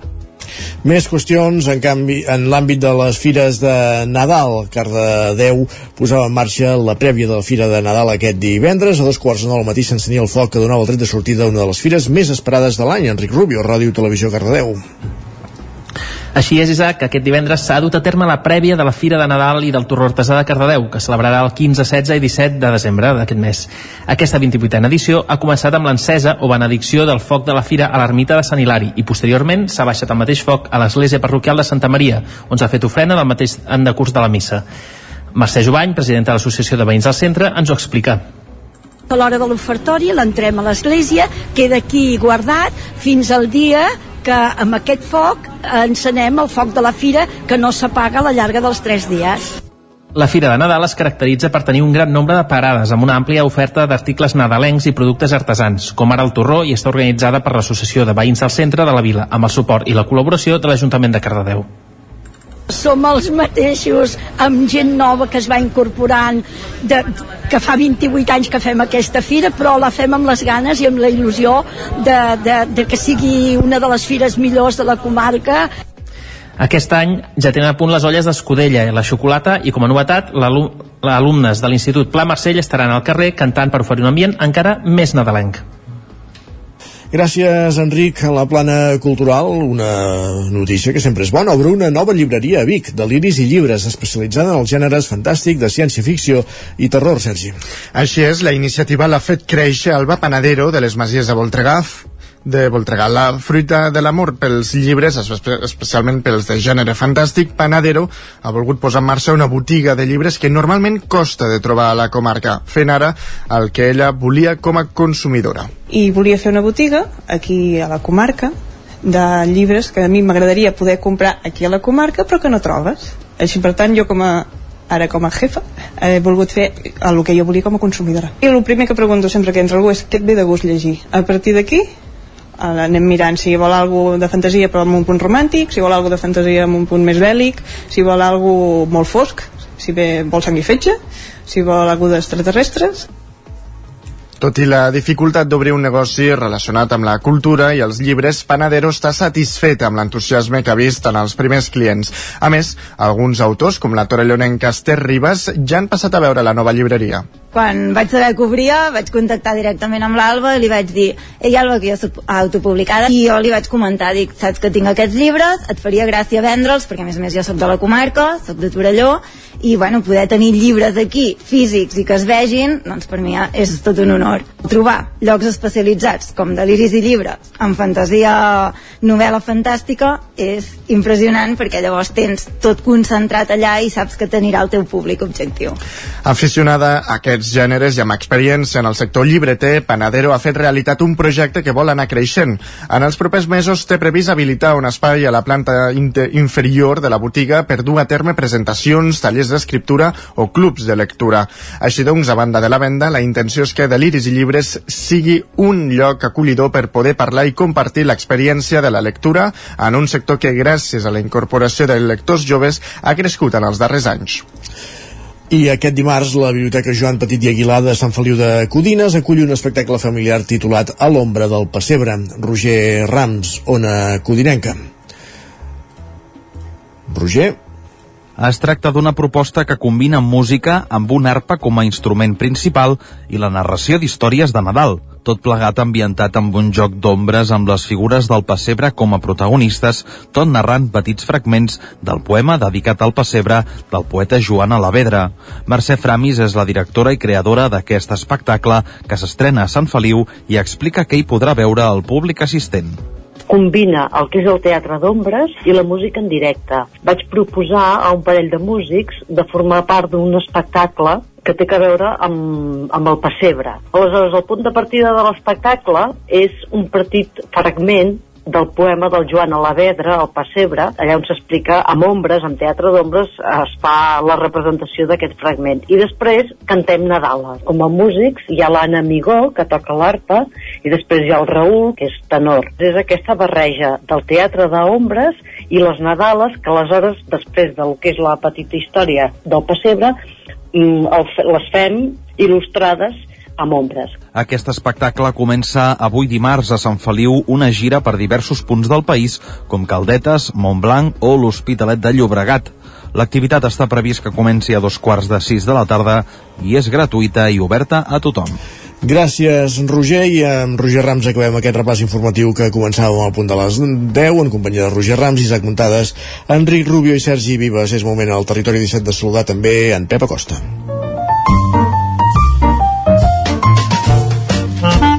Casa Terradellos us ofereix el temps. Pep Acosta, que és la veu del temps, l'anem a pescar a una codinenca que ja ens espera per explicar-nos quin temps farà avui. Pep, benvingut de nou, bon dia. Hola, molt bon dia. Farà sol durant tot el dia, núvols prims, algun núvol més gruixos cap al Pirineu, el fruit d'aquest front atlàntic s'està costant, que de moment avui no deixarà precipitacions. Les temperatures màximes també escandalosament altes.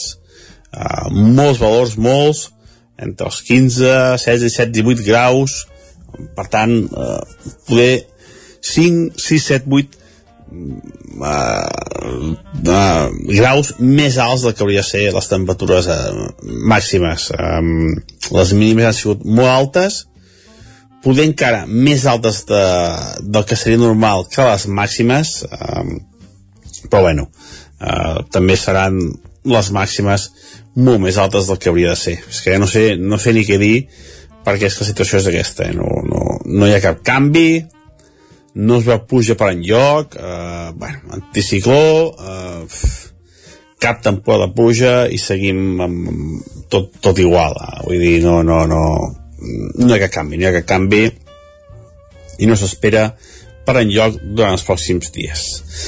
En definitiva, ja anirem parlant de, del temps, però no sé, no sé què podem dir, perquè és que està així, està així, que la situació és molt, molt complicada, no arriba per això el missatge a tothom, perquè veig que tothom no, no, veig molt poca gent preocupada, i aviam, aviam què passarà els pròxims dies, però la situació és molt, molt, molt complicada. Que vagi molt bé dia i ens veiem demà. Adeu! Fins demà, Pep, moltíssimes gràcies. Casa Tarradellas us ha ofert aquest espai. Territori 17. Envia'ns les teves notes de veu per WhatsApp al 646 079 023. 646 079 023. WhatsApp Territori 17.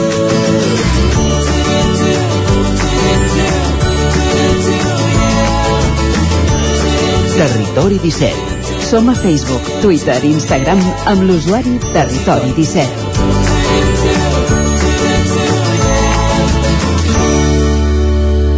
Un minut i serà un quart d'onze del matí.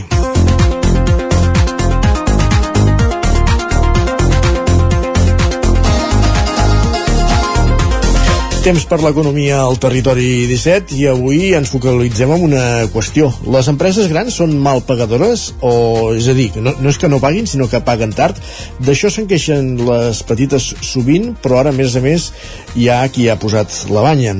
Joan Carles Arredondo, benvingut, bon dia una setmana més. Bon, bon dia, doncs sí, eh, tenim uns períodes de pagament d'empreses als seus proveïdors que s'allarguen i s'allarguen amb una clara situació de desavantatge mm, per les petites empreses davant de les grans. Eh, això és el que en els últims dies es, es desprèn d'informes de, de, que han fet eh, públics eh, organitzacions que representen petites empreses. Aquests estudis acaben revelant, diguem-ne, que eh, lluny de resoldre's eh, aquesta situació que es podria dir que és de domini, no només es manté sinó que tendeix a greujar-se i en, en una lectura extrema de les dades es pot arribar a concloure que les grans empreses s'estan finançant a costa de les petites a més ho fan sense costos addicionals i això es podria considerar que és una competència deslleial no? Um, ara, ara expliquem una mica per què.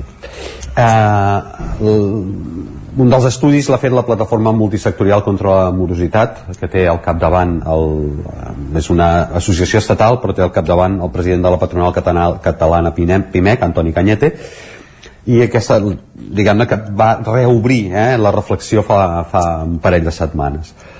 Eh, la batalla d'aquesta entitat per plantar cara a la morositat que les grans empreses i en molts casos també cal dir-ho eh, les administracions, i això no és una cosa que, que sigui no, no, no ho estem apuntant com una cosa gratuïta per carregar contra les administracions també, per, més endavant explicarem per què, per què posem sobre la taula el tema de les administracions eh? D'acord. Eh, doncs això, eh, aquesta, aquesta batalla que porta a terme aquesta plataforma i amb Antoni Canyet al capdavant eh, està sent una veritable cursa de fons diguem-ne que porten com més d'una dècada denunciant la situació és una situació de desproporció eh, amb què les grans empreses i les administracions cobren els seus productes o serveis respecte als terminis als quals estan pagant els proveïdors que els que els, els donen els productes o els serveis perquè aquestes grans empreses puguin donar els seus no? em, sí, sí que en aquesta llarga cursa de fons que s'està fent es va aconseguir que hi hagués una legislació sobre la qüestió. El que, determina aquesta legislació és que els terminis de pagament no haurien de superar els 60 dies.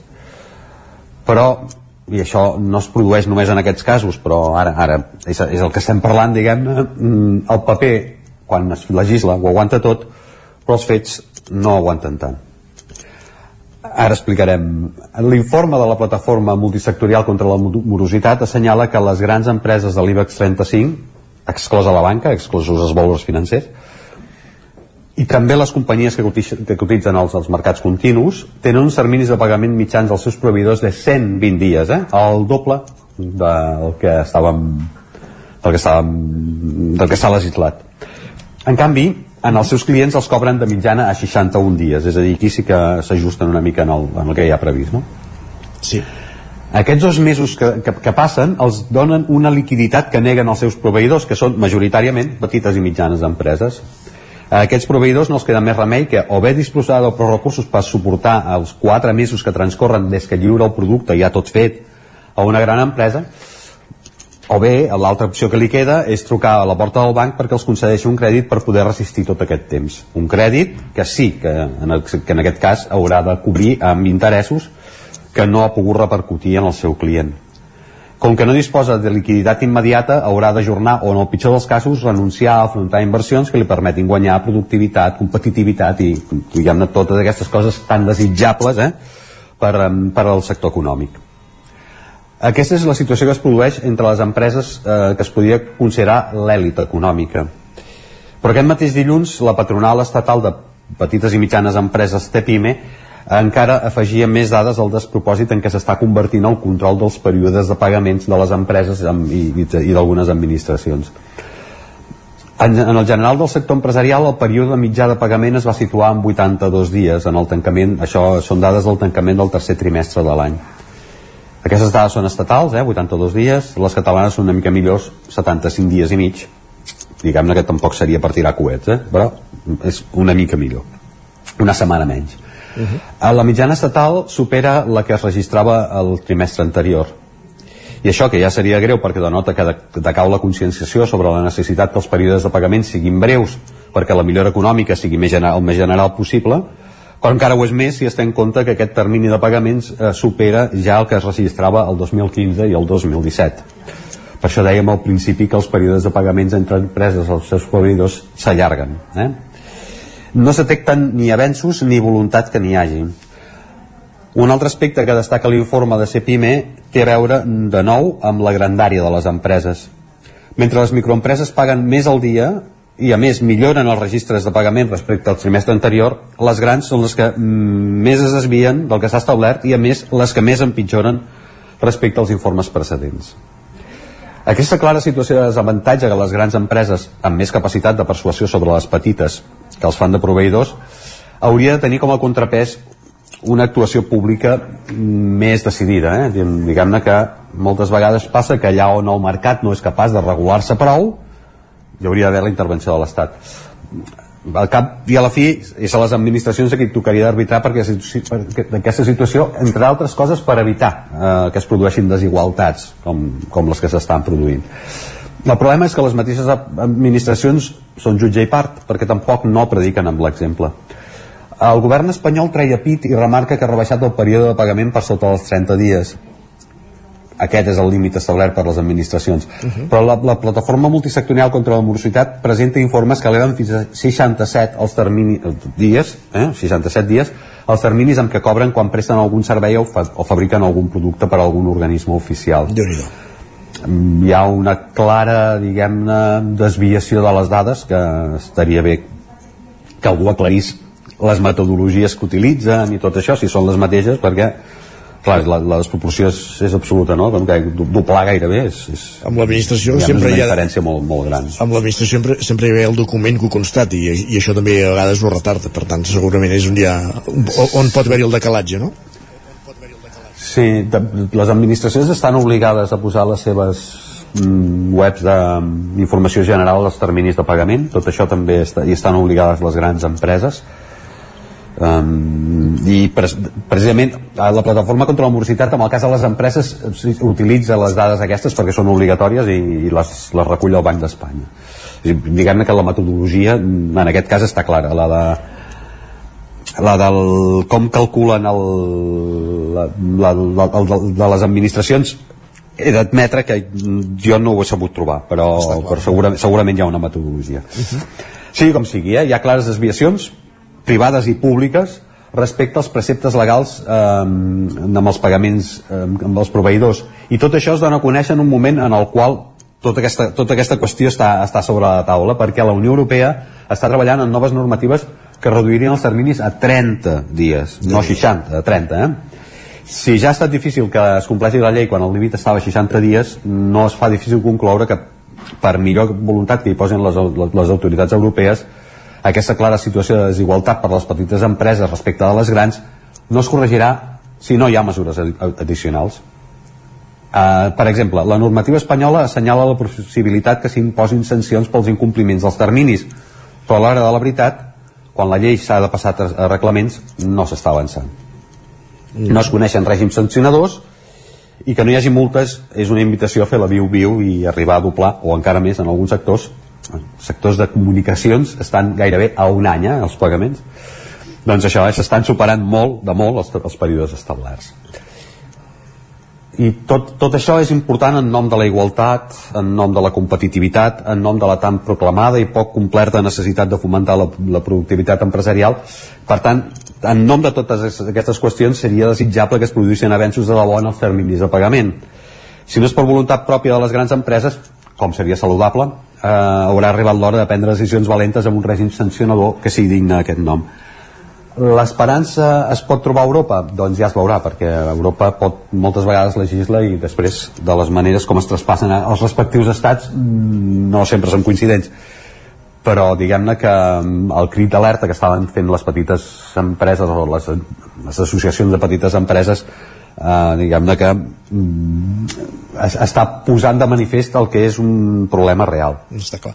De fet, una cosa és la legislació i l'altra és la seva aplicació i sovint falten inspectors o els professionals que, que han de vetllar-ho en aquest àmbit i en tants d'altres. Eh? Per, per tant, eh, si més no està bé que es legisli, veurem com, com, és com, com continua la seva eh, aplicació perquè realment, com posa de manifest l'estudi, és un mal de cap a les petites empreses hi ha, hi ha, hi ha un veritable problema eh, amb, amb, amb el tema de les petites empreses. L'altre dia es presentava un estudi, això és, era, era a escala Vallès Oriental, però, però diguem-ne que no, res no em fa pensar que no sigui generalitzable. Eh? Uh -huh. S'apuntava que mentre s'havia guanyat en productivitat eh, amb, amb alguns aspectes, eh, hi havia un problema molt gran d'endeutament, no? i d'endeutament a curt termini i un endeutament a curt, a curt termini és bastant probable que sigui per cobrir diguem-ne aquestes dificultats que puguis tenir tu a l'hora de cobrar, etc. No?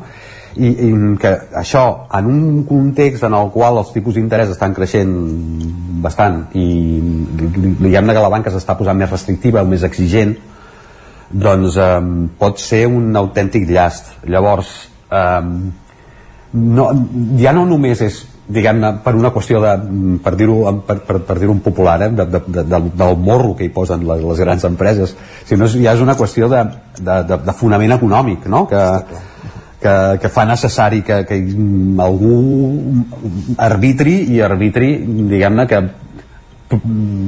per, per preservar la igualtat d'oportunitats eh, no pot ser que les grans empreses estiguin pagant el doble de, de, o sigui, estiguin pagant el doble de tard respecte del que cobren eh, això és una manera de finançar-se que és completament anava a dir il·lícita però bueno, com a mínim podem dir deslleial està clar Sí, sí, perquè tant de, tens un, tu de, de, de tenir aquests diners com qui els ha de tenir. De fet, qui, qui té dret a tenir-los és qui els ha de tenir dins el, els marges eh, establerts.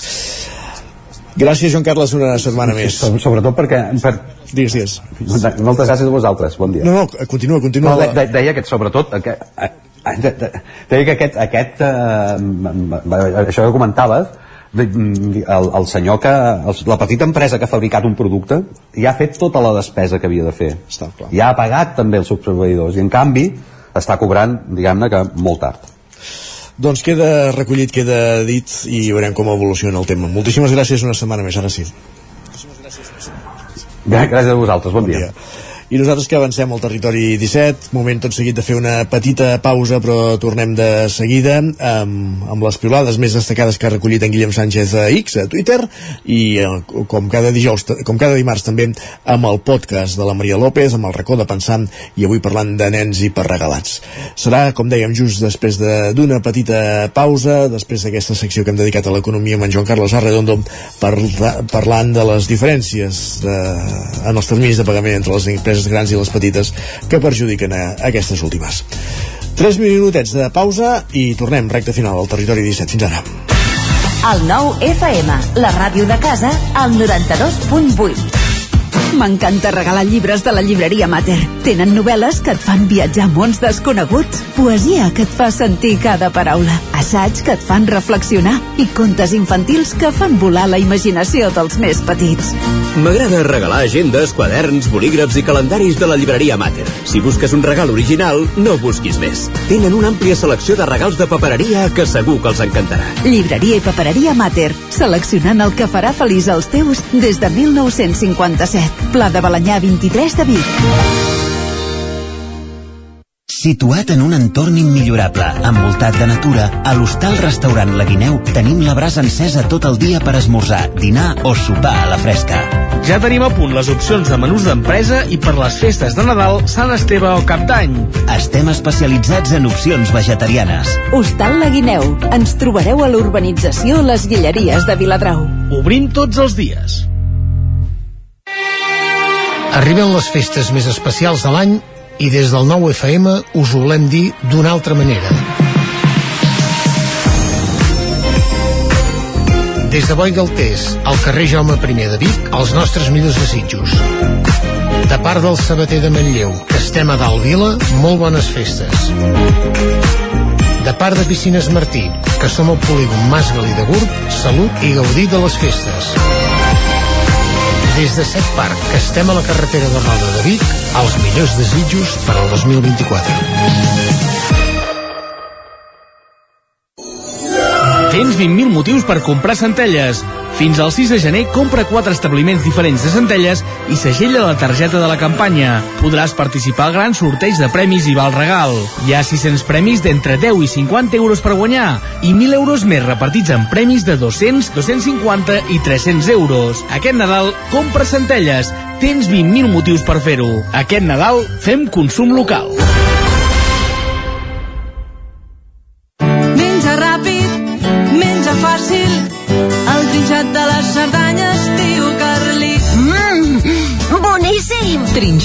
Carlit, 100% natural, fet cada dia a Puigcerdà i a punt en un minut. Encara et preguntes com t'ho faràs perquè els nens mengin verdura? El trinxat de les Cerdanyes, tio Carlit. Per a qui seria perfecte aquest piano de juguetos? per a nens que donin la nota. I aquest maletí de pintura pels que volen pintar alguna cosa a la vida. Jugar és viure. I viure és jugar.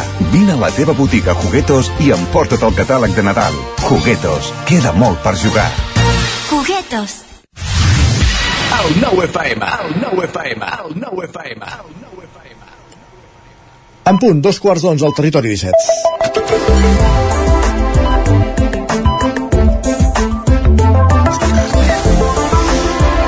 I a dos quarts d'onze, com cada matí, és moment d'endinsar-nos al món d'X, de Twitter, i avui en companyia de la Clàudia Dinarès. Clàudia, benvinguda, bon dia. Bon dia. Què has trobat per X, abans Twitter?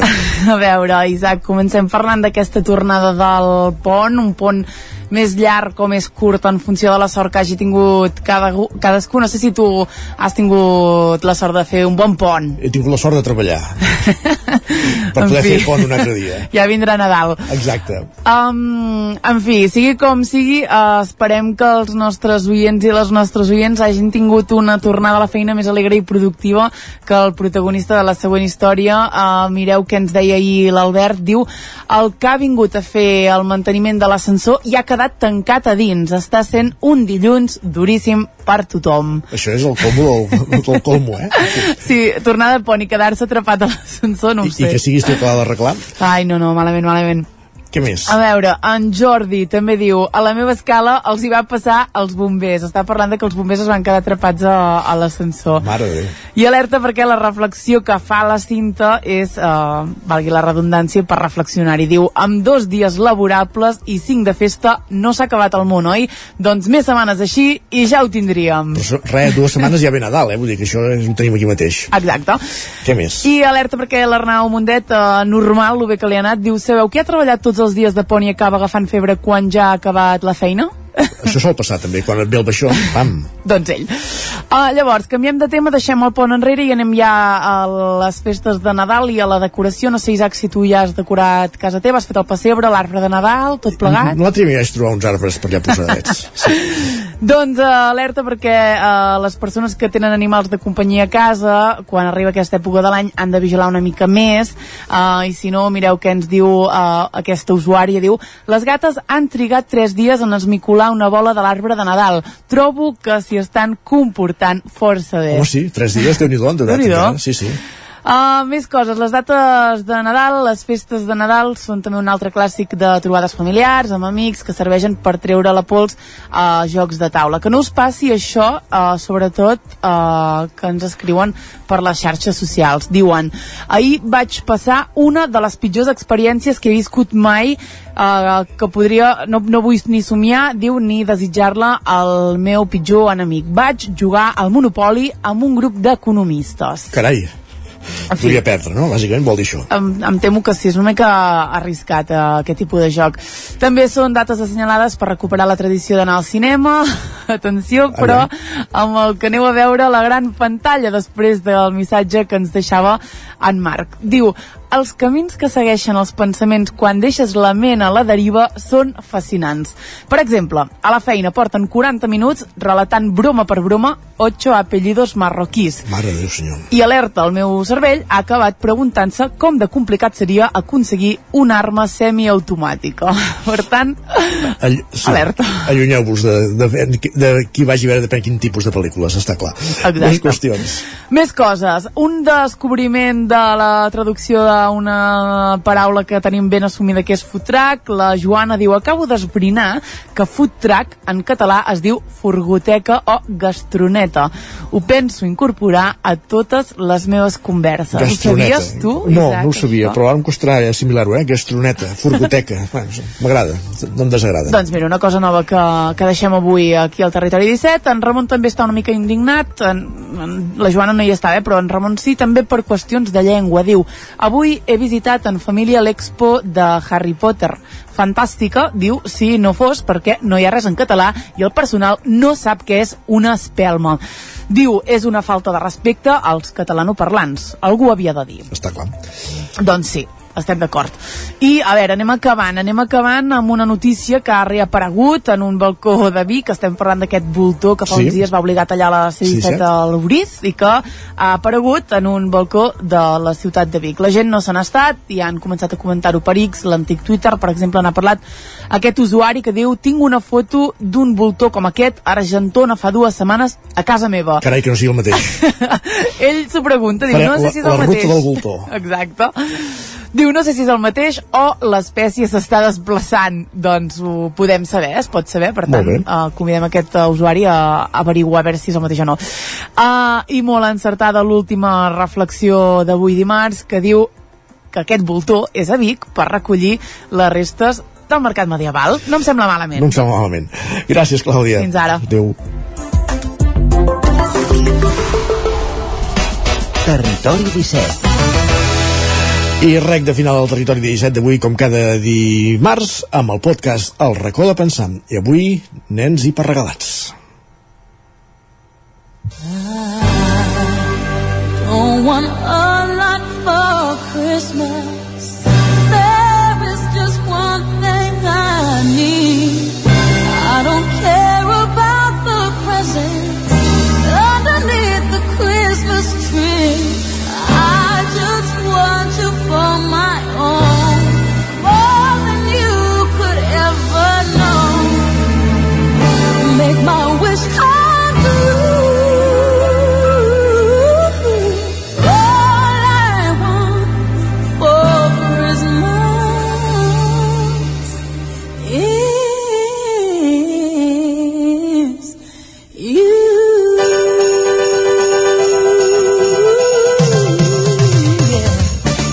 S'acosta el Nadal i així ens anuncia cada any la Maria Carell, que és ja quasi l'encarregada oficial d'avisar quan hem de posar l'arbre de Nadal i el pessebre, tot i cada, cada any sembla que fa una miqueta abans, això.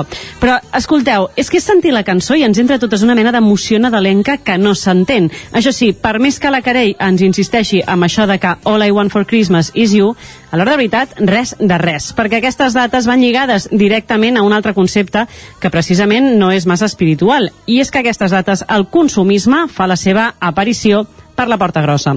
Ens tornem boges i bojos comprant regals, aquella imatge idíl·lica de les llumetes de Nadal mentre es passeges per Passeig de Gràcia carregada de bosses al més pur estil Julia Roberts a Pretty Woman.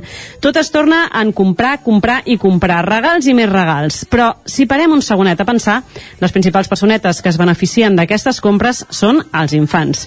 I de cop ens trobem amb que si els regals del tió, que ja no només porta xocolata, l'endemà a casa de la tieta que ha deixat alguna cosa al Pare Noel, després que si els reis de casa d'uns avis, a casa dels altres avis i a casa de l'altre tiet, i així durant molts i molts dies i moltes cases, on els més petits es passen el dia obrint regals. La publicitat, els mitjans de comunicació i el sentiment de culpa que arrosseguem les famílies hiperocupades tampoc ajuda. I sense voler-ho ens acabem trobant amb infants amb sobredosi de regals. Segons els experts i expertes, aquestes situacions es tapen moltes vegades una síndrome de l'infant hiperregalat, una etiqueta a la que s'associen conceptes com el sobreestímul, la falta d'il·lusió o la poca tolerància a la frustració. Però què és exactament aquesta síndrome? Com la podem evitar? I fins a quin punt afecta el seu creixement emocional? Ha regals millors que altres per evitar-la? Us parla la Maria López i això és El racó de pensar.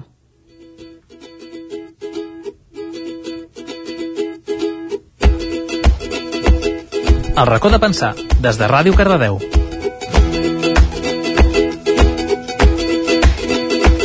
I per parlar d'infants hiperregalats, de joguines i de consumisme, avui ens acompanya d'una banda l'Àlex Latosa. Ell és psicòleg educatiu i clínic i director del centre Camina. Bon dia, Àlex, i gràcies per tornar aquí a l'estudi del racó de pensar. Hola, molt bon dia.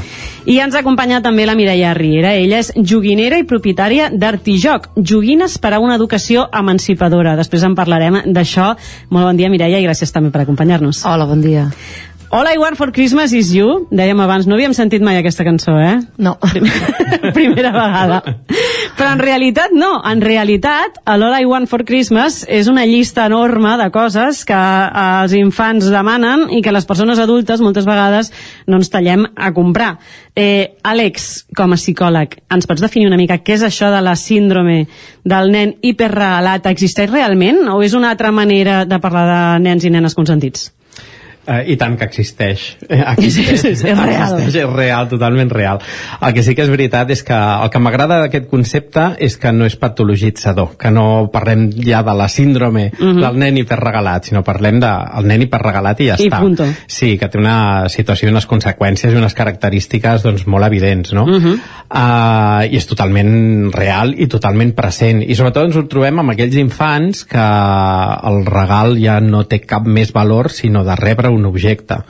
I és aquella ansietat d'obrir, obrir, obrir, obrir i ja està, i res més i llavors eh, és aquell moment en el que genera ansietat amb l'infant perquè eh, vol obrir més regals no importa el cobri, ha d'obrir simplement ha d'obtenir regals i eh, aquesta situació també que, que genera un patiment també en els progenitors perquè també genera aquesta angoixa de serà suficient? Jo recordo, no sé si recordeu aquella, la primera pel·lícula de Harry Potter que el, La el- piedra filosofal. el, és? el, el, diguem, el germà gran eh, s'enfada molt perquè només havia rebut 38 regals i l'any passat n'havia rebut eh, 39 i com podia ser que aquest any rebés un regal menys no? aquella imatge, si veieu aquell inici de la pel·lícula és un bon resum, una bona caricatura de què és el, el síndrome del nen hiperregalat. De fet, avui llegia que la mitja de regals per, per infant sol estar en 10 regals eh, per festes, que és una quantitat que, que em costa no? concebre el, el, i què més et pot fer il·lusió quan ja portes tants regals no? és, és molt difícil quines poden ser les, les conseqüències eh, de patir, no li direm síndrome però de tenir una situació d'infant hiperregalat i com afecten dates com aquestes al Nadal on això es, es porta a l'extrem Jo crec que la introducció has fet un bon resum. Eh, no és només perquè tu com a família pots tenir una consciència, però eh, després tens la família extensiva, veïns, veïnes, tiets, tietes, eh, i aquesta sensació que si no hi ha un regal sembla que no s'estan fent bé les coses. Mm. I jo crec que el límit és aquell en el que l'infant, aquell eh, regal, eh, no té cap tipus de fonament pedagògic ni educatiu i que darrere de cada joguina hi ha una història i darrere de cada joguina hi ha uns materials i hi ha una feina feta per, per molta gent i jo crec que es perd aquesta consciència i és eh, tenir objectes que després no fas servir no? eh, jo en consulta sento molt no? quan parlem d'infants que ja tenen una, unes característiques i arriben i els pares i mares sempre em diuen és que mm, té un munt de joguines a casa i les ha tocat 20 minuts i no les ha tocat mai més. Potser el problema no era de l'infant. Com a pista, no? Spoiler, no, era, no, era, no era culpa seva, no? Uh, ara continuarem i també m'agradaria parlar després del tema de la família extensiva, perquè aquí hi ha un tema a, a gestionar que té, que té tela, però m'agradaria també donar pas a la, a la Mireia, perquè, Mireia, tu ets joguinera, podria semblar d'entrada que eh, estàs aquí avui tirant-te pedres sobre la teva pròpia taulada. Jo me les tiro jo sola, també. no necessito ningú. Però el tema és precisament... Jo d'entrada vull que ens expliquis una mica aquest concepte, perquè és artijoc i la definició una mica és joguines per a una educació emancipadora. Què vol dir això exactament? Bueno, perquè nosaltres... Um, va, quan vam crear Artijoc ja va ser creada a, no era botiga abans, era una empresa que fèiem educació a través del joc Uh -huh. Per tant, lo de la botiga va sortir més endavant que la gent ens demanava d'on traiem els materials i vam dir, ai va, obrim la botiga que, que ens agradava. Però bàsicament nosaltres intentem que tots els materials i les joguines que tenim a la botiga tinguin un rerefons pedagògic al darrere, siguin joguines que respecten el desenvolupament de les criatures. I sobretot intentem eh, despertar un esperit crític amb les persones, amb el que regalen, amb el que juguen i, i per això ens definim així. Com es pot fer pedagogia en aquest sentit des d'una joguineria que la gent va precisament a tot el contrari, va a consumir des d'allà? Com, com ho fas tu, com ho manegues uh, Clar, bueno, és que hem d'anar per endavant que estem vivint una societat amb un capitalisme bestial i que som gairebé, es podria dir que som víctimes d'aquest capitalisme, o sigui, no només darrere un nen hiperregalat hi ha una família, una persona, un adult que té aquesta mena, l'Àlex ho sabrà millor com es diu això, que, que no sé si endorfines, el que es diu, que, que quan fan el clic a l'ordinador de comprar i els hi crea aquest, aquest plaer, però, que això, i, però després aquella cosa ni la necessita i a tothom crec que ens ha passat de comprar una cosa i dir ai, però al moment aquell de passar la targeta no, i que sigui Àlex, que hi ha una cosa que no sé com es diu? Llavors clar, jo crec que com a adults que tenim al nostre càrrec unes criatures que les estem acompanyant hem de posar aquesta mirada crítica a, la, a aquesta ciutat de capitalista i abans de fer cap compra a fer una, una aturada i reflexionar realment necessita el meu fill això o realment el que necessita i aquí és que jo em tiro pedres a la taula i jo soleta és no gastar tants diners i tenir més temps per jugar amb aquesta criatura i, i poder treballar menys, perquè si necessitem menys haurem de treballar menys, uh -huh. perquè sovint a la, a la botiga ens passa eh, de que vegin a comprar i a què, què li agrada jugar al teu fill?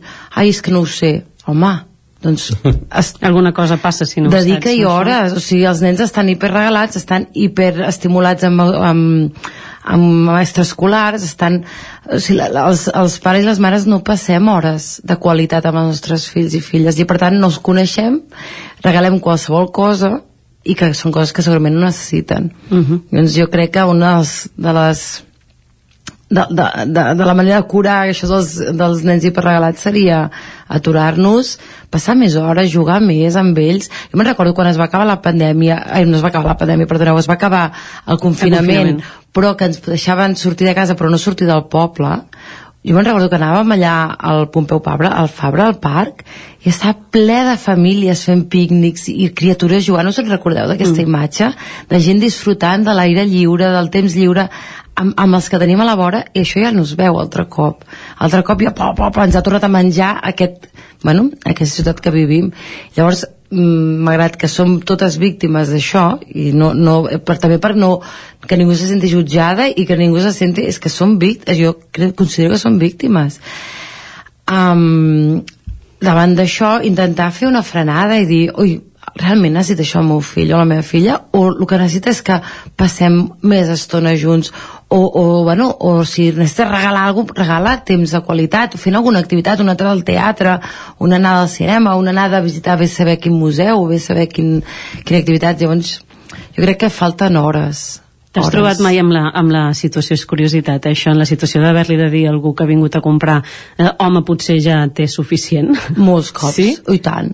Quan em diuen la frase aquesta, és que ja ho té tot pues no li regalis res més per què no li regales una entrada a algun lloc o aneu juntes a algun lloc i ja està i, no, i, i m'ha passat o bueno, a vegades un bebè que és que acaba de néixer i clar, li dius, potser el que fa falta és que li facis una sopa a la mare i ajudis al company o la companya d'aquesta persona que acaba de parir a, a netejar la casa i no, el bebè en si no necessita res i mira que venem coses de bebès, eh? però vull dir que ja des de tan petitons comencem a, a pensar-nos que i per això crec que fa falta molt aturar-nos i, i, i pensar realment què és el que és bo per a aquestes criatures i per nosaltres mateixes, eh? perquè és quan hiperregalem també ens hiperestressem nosaltres, hipergastem i després hem de fer més hores per arribar a final de mes, etc. És una roda, és una, una roda. roda. Àlex, la Mireia ens parlava d'aquesta aquesta cosa que ens neix quan comprem, aquest plaer Uh, quan hi ha d'això, quan hi ha de sentiment de culpa darrere d'aquestes compres?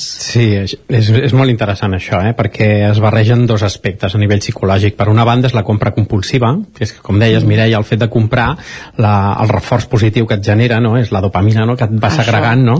i després, per una altra banda, està també la, la pressió social.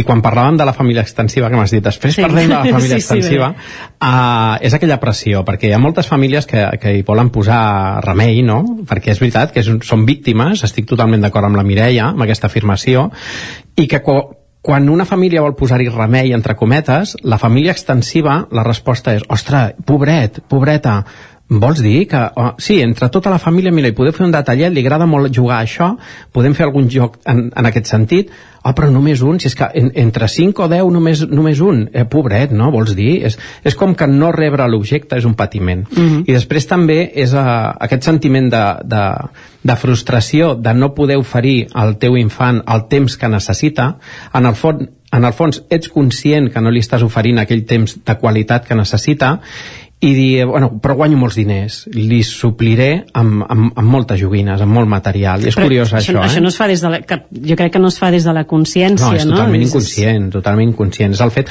però és aquella sensació de, de que fins i tot jo conec moltes persones que arriba el dia d'abans de, de, de, del, del Nadal, dels Reis i ai, a la carta ha posat poques coses. Crec que, oi, tinc la sensació que hi ha poquetes coses, com que tot és poc Yeah. i realment el que necessiten molt sovint és eh, estic totalment d'acord amb la Mireia que és el temps de qualitat potser el temps que dediquem a guanyar diners el podríem destinar potser no guanyar aquests diners guanyar una mica menys sí, no? sí. i també és veritat que, que, que no eh, és, és molt està mo- molt extès a tota la societat, perquè hi ha famílies amb molts pocs ingressos i amb molts problemes econòmics que també tenen fills i filles amb, amb aquesta situació d'hi- d'hi- d'hiperregal i de vegades és eh, qualsevol regal eh, aquest que el compro per internet i costa 3 euros, però és igual un, i un altre, i un altre, i un altre i també és veritat que darrerament, després d'aquests anys, eh, trobo que hi ha més consciència, més famílies mm, en, en aquesta situació. I més persones em trobo que, tant en consulta com fora de consulta, com a través de les xarxes socials, em fan arribar aquesta idea que com puc convèncer a tal tiet, a tal tieta, als avis, com els puc convèncer de que això no és bo pel, Mhm. pel nostre infant. I veig que sí que, que ja fa uns quants anys que parlem d'infants hiperregalats i crec que hi ha més consciència a nivell social d'això. I una altra cosa és com aconsegueixes convèncer la família, que aquí crec que ha de ser complicat, no? perquè una cosa és que un individualment pugui fer aquest gest i una altra és que aconsegueixis eh, adonar-se a tot el teu entorn que, que això pot afectar d'alguna manera, no? perquè com afecta als infants aquesta, aquest tipus de situacions? De manera molt negativa. En primer lloc, que, que no estem fomentant un aprenentatge i un desenvolupament crític amb l'infant. És a dir, és un objecte per objecte. Què hi ha darrere d'aquest objecte? Uh, després la quantitat. És a dir, estem en un moment que estem observant que la sostenibilitat en el nostre planeta no és, no és viable. Llavors estem, els estem dient que sí, que tot és... Uh, que estem en un lloc uh, infinit, que hi ha recursos infinits i llavors l'aprenentatge que hi ha darrere d'això ja és un problema. I després també és la, la sensació de no gaudir, perquè recordem que un regal és quelcom preciós d'algú, el Pare Noel, els Reis, qui sigui, que s'han recordat de tu i que és un moment màgic, és un moment preciós i que hi ha un, un, un regal que ens permet eh, aprendre, desenvolupar-nos amb seguretat, amb tranquil·litat i això no ho hem de perdre. En el moment que hi ha molt, molt, molt, molt, molt eh, perd totalment en sentit aquesta idea de, de regal, que és, que és un moment, com deia, preciós. Uh -huh. Quins trucs els hi podem donar a aquestes famílies o quina manera podem de fer d'adaptar-nos perquè entenc que potser una família que ha tingut aquesta tendència potser fer el canvi de cop i dir, i dir doncs s'han acabat, no hi ha regals, deu, deu costar no? no sé com, com ens podem reconstruir o, o si teniu consells en aquest sentit Bueno, jo a la botiga sovint els hi dic uh, regala-li el que sigui, eh? el joc de taula, la construcció, el que sigui i espera't, obriu-lo juntes obriu, des, desmunteu allò feu la paradeta, poseu-vos jugueu-hi i aquesta estoneta la, aquella criatura ja comença a gaudir, sobretot perquè està gaudint amb tu, perquè és que els infants volen estar amb els seus adults de referència, o sigui, ells desitgen, és el que més desitgen del món. Llavors, d'anar posant aquesta norma a casa de que, bueno, surt un regal, l'obrim fins que no l'haguem obert, l'haguem investigat, l'haguem tocat, l'haguem olorat tot, tot, tot, no obrim un altre. I d'aquesta manera l'estona passa i sovint és que ja ni se'n recorden de cap altre. I llavors, com a adulta, potser et pot anar sentint més, més tranquil·la, de dir, ai, val, val, perquè és, és el que deia l'Àlex, que a vegades som nosaltres mateixos que diem, ai, és que són molt poques coses. Bueno, o, o de vegades passa que que és, és que és molt petit el regal. I, i què passa si és un regal que és una meravella? I és igual que ocupi poc.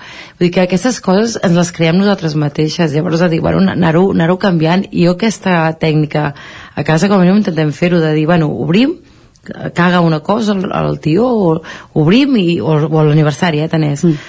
obrim-ho, juguem-hi fem una estona i doncs clar vas, vas donant-hi valor a aquella cosa que ha arribat. Abans va un altre, un altre, un altre el típic aniversari de Chiqui Park que venga, venga, venga tots, tots hem vist aquestes imatges terribles.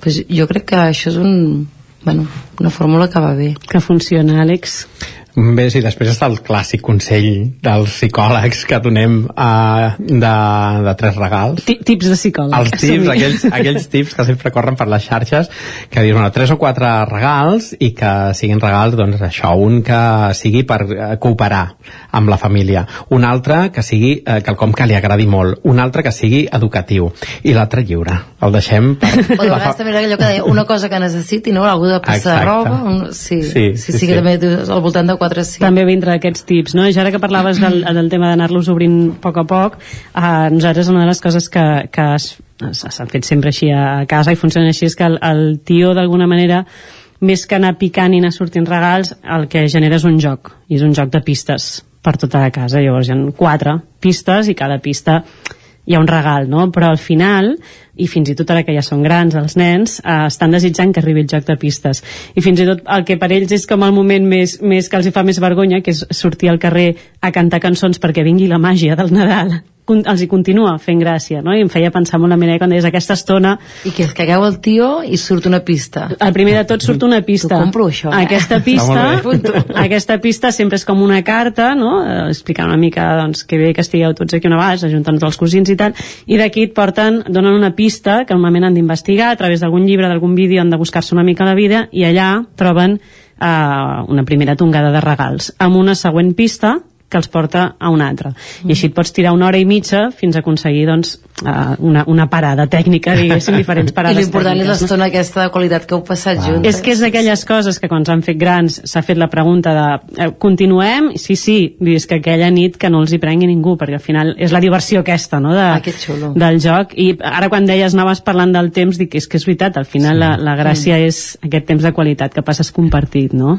Mm, jo sempre proposo fer una activitat fins als 10 anys, a veure si us en sortiu, que és quan trobes que un infant està veient una pel·lícula, per exemple, uh -huh. és eh, tu passes pel costat de l'infant i obres un joc de taula, el que sigui, t'hi poses a jugar i a gaudir. Uah! Si l'infant deixa la pantalla, deixa la pel·lícula i ve a jugar amb tu, estàs en bon moment, encara pots recuperar. Però... I encara pots fer alguna encara cosa, pots no? fer alguna cosa, però si es queda amb la pantalla, ai, ai, hem de començar a treballar cosetes abans. Aquí una de les coses que, que heu comentat i que realment crec que, que per estirar del fil i que fins i tot potser li hauríem de, de guardar un altre racó de, de pensar és, és aquesta part de l'estímul adult, del sentiment de culpa i de fins i tot aquestes endorfines, eh, no sé si, no, no, dopamina, Dopamina. has dit, sí. Um, crida molt l'atenció el fet de que uh, en, gastant es generi això. Com, com pot ser que, que això ens generi un ple intern, diguéssim? Mm -hmm. Clar, aquí és veritat, entrem en un altre tema no? que, que lliga i té, que té molta relació, perquè és la sensació de que aquest sentiment que tens de, de frustració, de, de que ets conscient que no estàs dedicant el temps que, que necessiten els teus infants. Jo sempre dic que no és que mm, pensis que no estàs dedicant el temps als teus infants que, que necessiten, sinó que siguis conscient de que no li estàs oferint, això és un pas inicial. Però després està eh, aquesta compra compulsiva que amb els infants i per regalats ja ens ho trobem també però és un, una, una despesa quotidiana. És a dir, és una sensació que, que tenim constantment i a més amb la immediatesa que ens suposa. Ara comprem sovint amb un clic i amb un clic has fet aquesta compra. I aquest clic, aquesta immediatesa ja no és ni l'objecte que hagis de comprar perquè quantes persones també no fan aquest clic per rebre aquesta dopamina aquest reforçament positiu però després tornen al que han comprat o, o no ho necessiten o no ho fan servir. Jo per això, aprofitant que està aquí la Mireia m'agrada molt quan si vaig a l'artijoc i com a assessor necessito un joc emocional.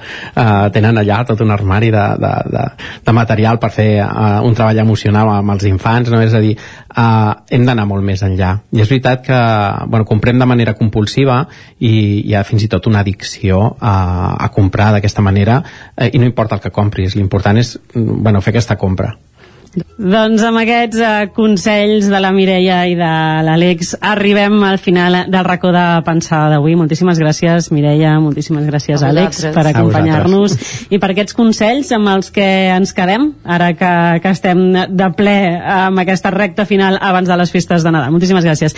I a tots i totes vosaltres que ens escolteu cada programa, gràcies per acompanyar-nos una setmana més en aquest raconet tan nostre i on ens agrada posar sobre la taula tot allò que ens ajudi a qüestionar-nos una mica i intentar fer les coses una mica millor. Cinquè Nadal ja que compartim des d'aquest raconet i per molts més, de moment us espero la setmana vinent amb una nova tertúlia del racó de pensar.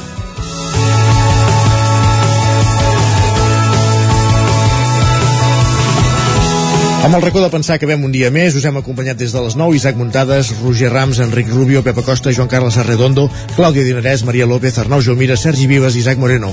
I tornem demà a partir de les 9 fins aleshores. Bon dimarts i gràcies per ser-hi.